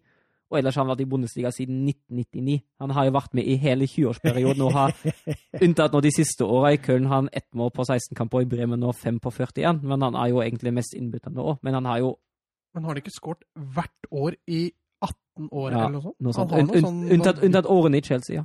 ja. ja så det, det, er jo, det er jo sterkt, det der. Og han, var, han har jo vært god på sitt beste. Da står vi igjen da med spissmakkeren til Lewandowski. Skal det være Müller, skal det være Pizarro, eller skal det være Aubameyang? Altså, jeg syns jo også at både Müller og Aubameyang absolutt er forsvarlige. Det mener jeg jo absolutt. Så jeg, Hva tenker, eh, tenk, eh, Ja, skal vi droppe Müller? Nei, jeg, jeg, jeg, Altså, jeg, jeg jeg- forstår, altså, jeg skjønner at dette er et kjipt valg for Pizarro. Det er jo også en legende i tysk fotball. Og, og vanskelig å droppe en, en Pizarro. Den, den er kjip, men Müller òg Nei, det for, altså, Men det, Aubameyang har jeg ikke noe problem med å droppe. altså. det, som, Nei, det er greit. Da. det som trekker, det som trekker litt Det som trekker litt ned for, det som trekker litt ned for Müller av den svake perioden under det siste året i av Guardiola og litt den tida som kommer etter deg. Men den er jo Ja, men det er ofte i forbindelse med managerbytte. er det Ja. Han har slitt litt. Ja, han da? er det. Han er det. Men så fort det kommer inn en kar som har trua på Müller, Ja, så, så- altså, så er, er det, det- er det er det jo igjen. fantastisk. Og du så Guardiola når han kom inn. Satsa jo på Müller med en gang. Ja, ja men han, han ble faktisk svak siste år under, under Guardiola. Da var han svak. Ja, Av en eller annen grunn.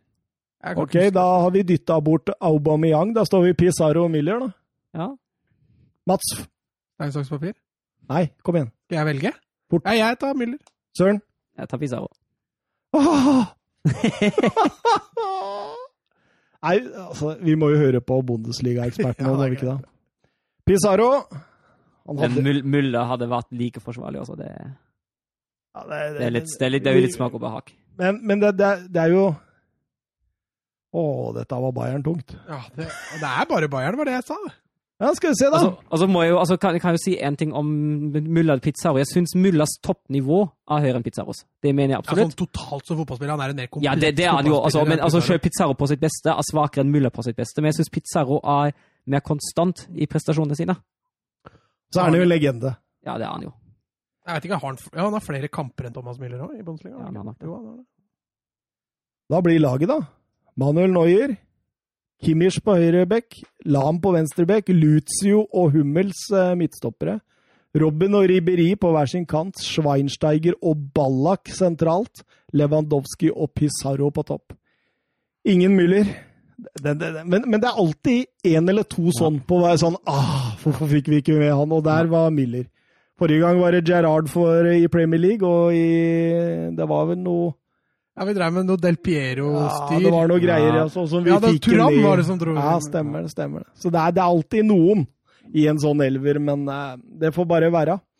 Det blir vår Oi, oi, oi! Ett minutt 58 Nei, 1 time 58 minutter. Vi har ett minutt igjen til to timer! Ja, herlig. Så da har vi ett minutt, da. Så Hva skal vi gjøre da? Vi må jo si at eh, vi er vel tilbake neste uke. Ja. Da er det bare et par dager igjen da, til uh... Smeller på andre stadioner òg. Det blir så deilig. Tyskland-hegmodi til Søren Storks begynner å Du har kosa deg disse Ja, jeg har hatt det veldig gøy, jeg. Veldig fint. Og nå skal snart jeg og Mats få vårt òg. Ja, det blir deilig. ass. Eh, før vi runder to timer, skal vi, skal vi bare si ha det, eller? Adjø. Ha det. Ha det bra!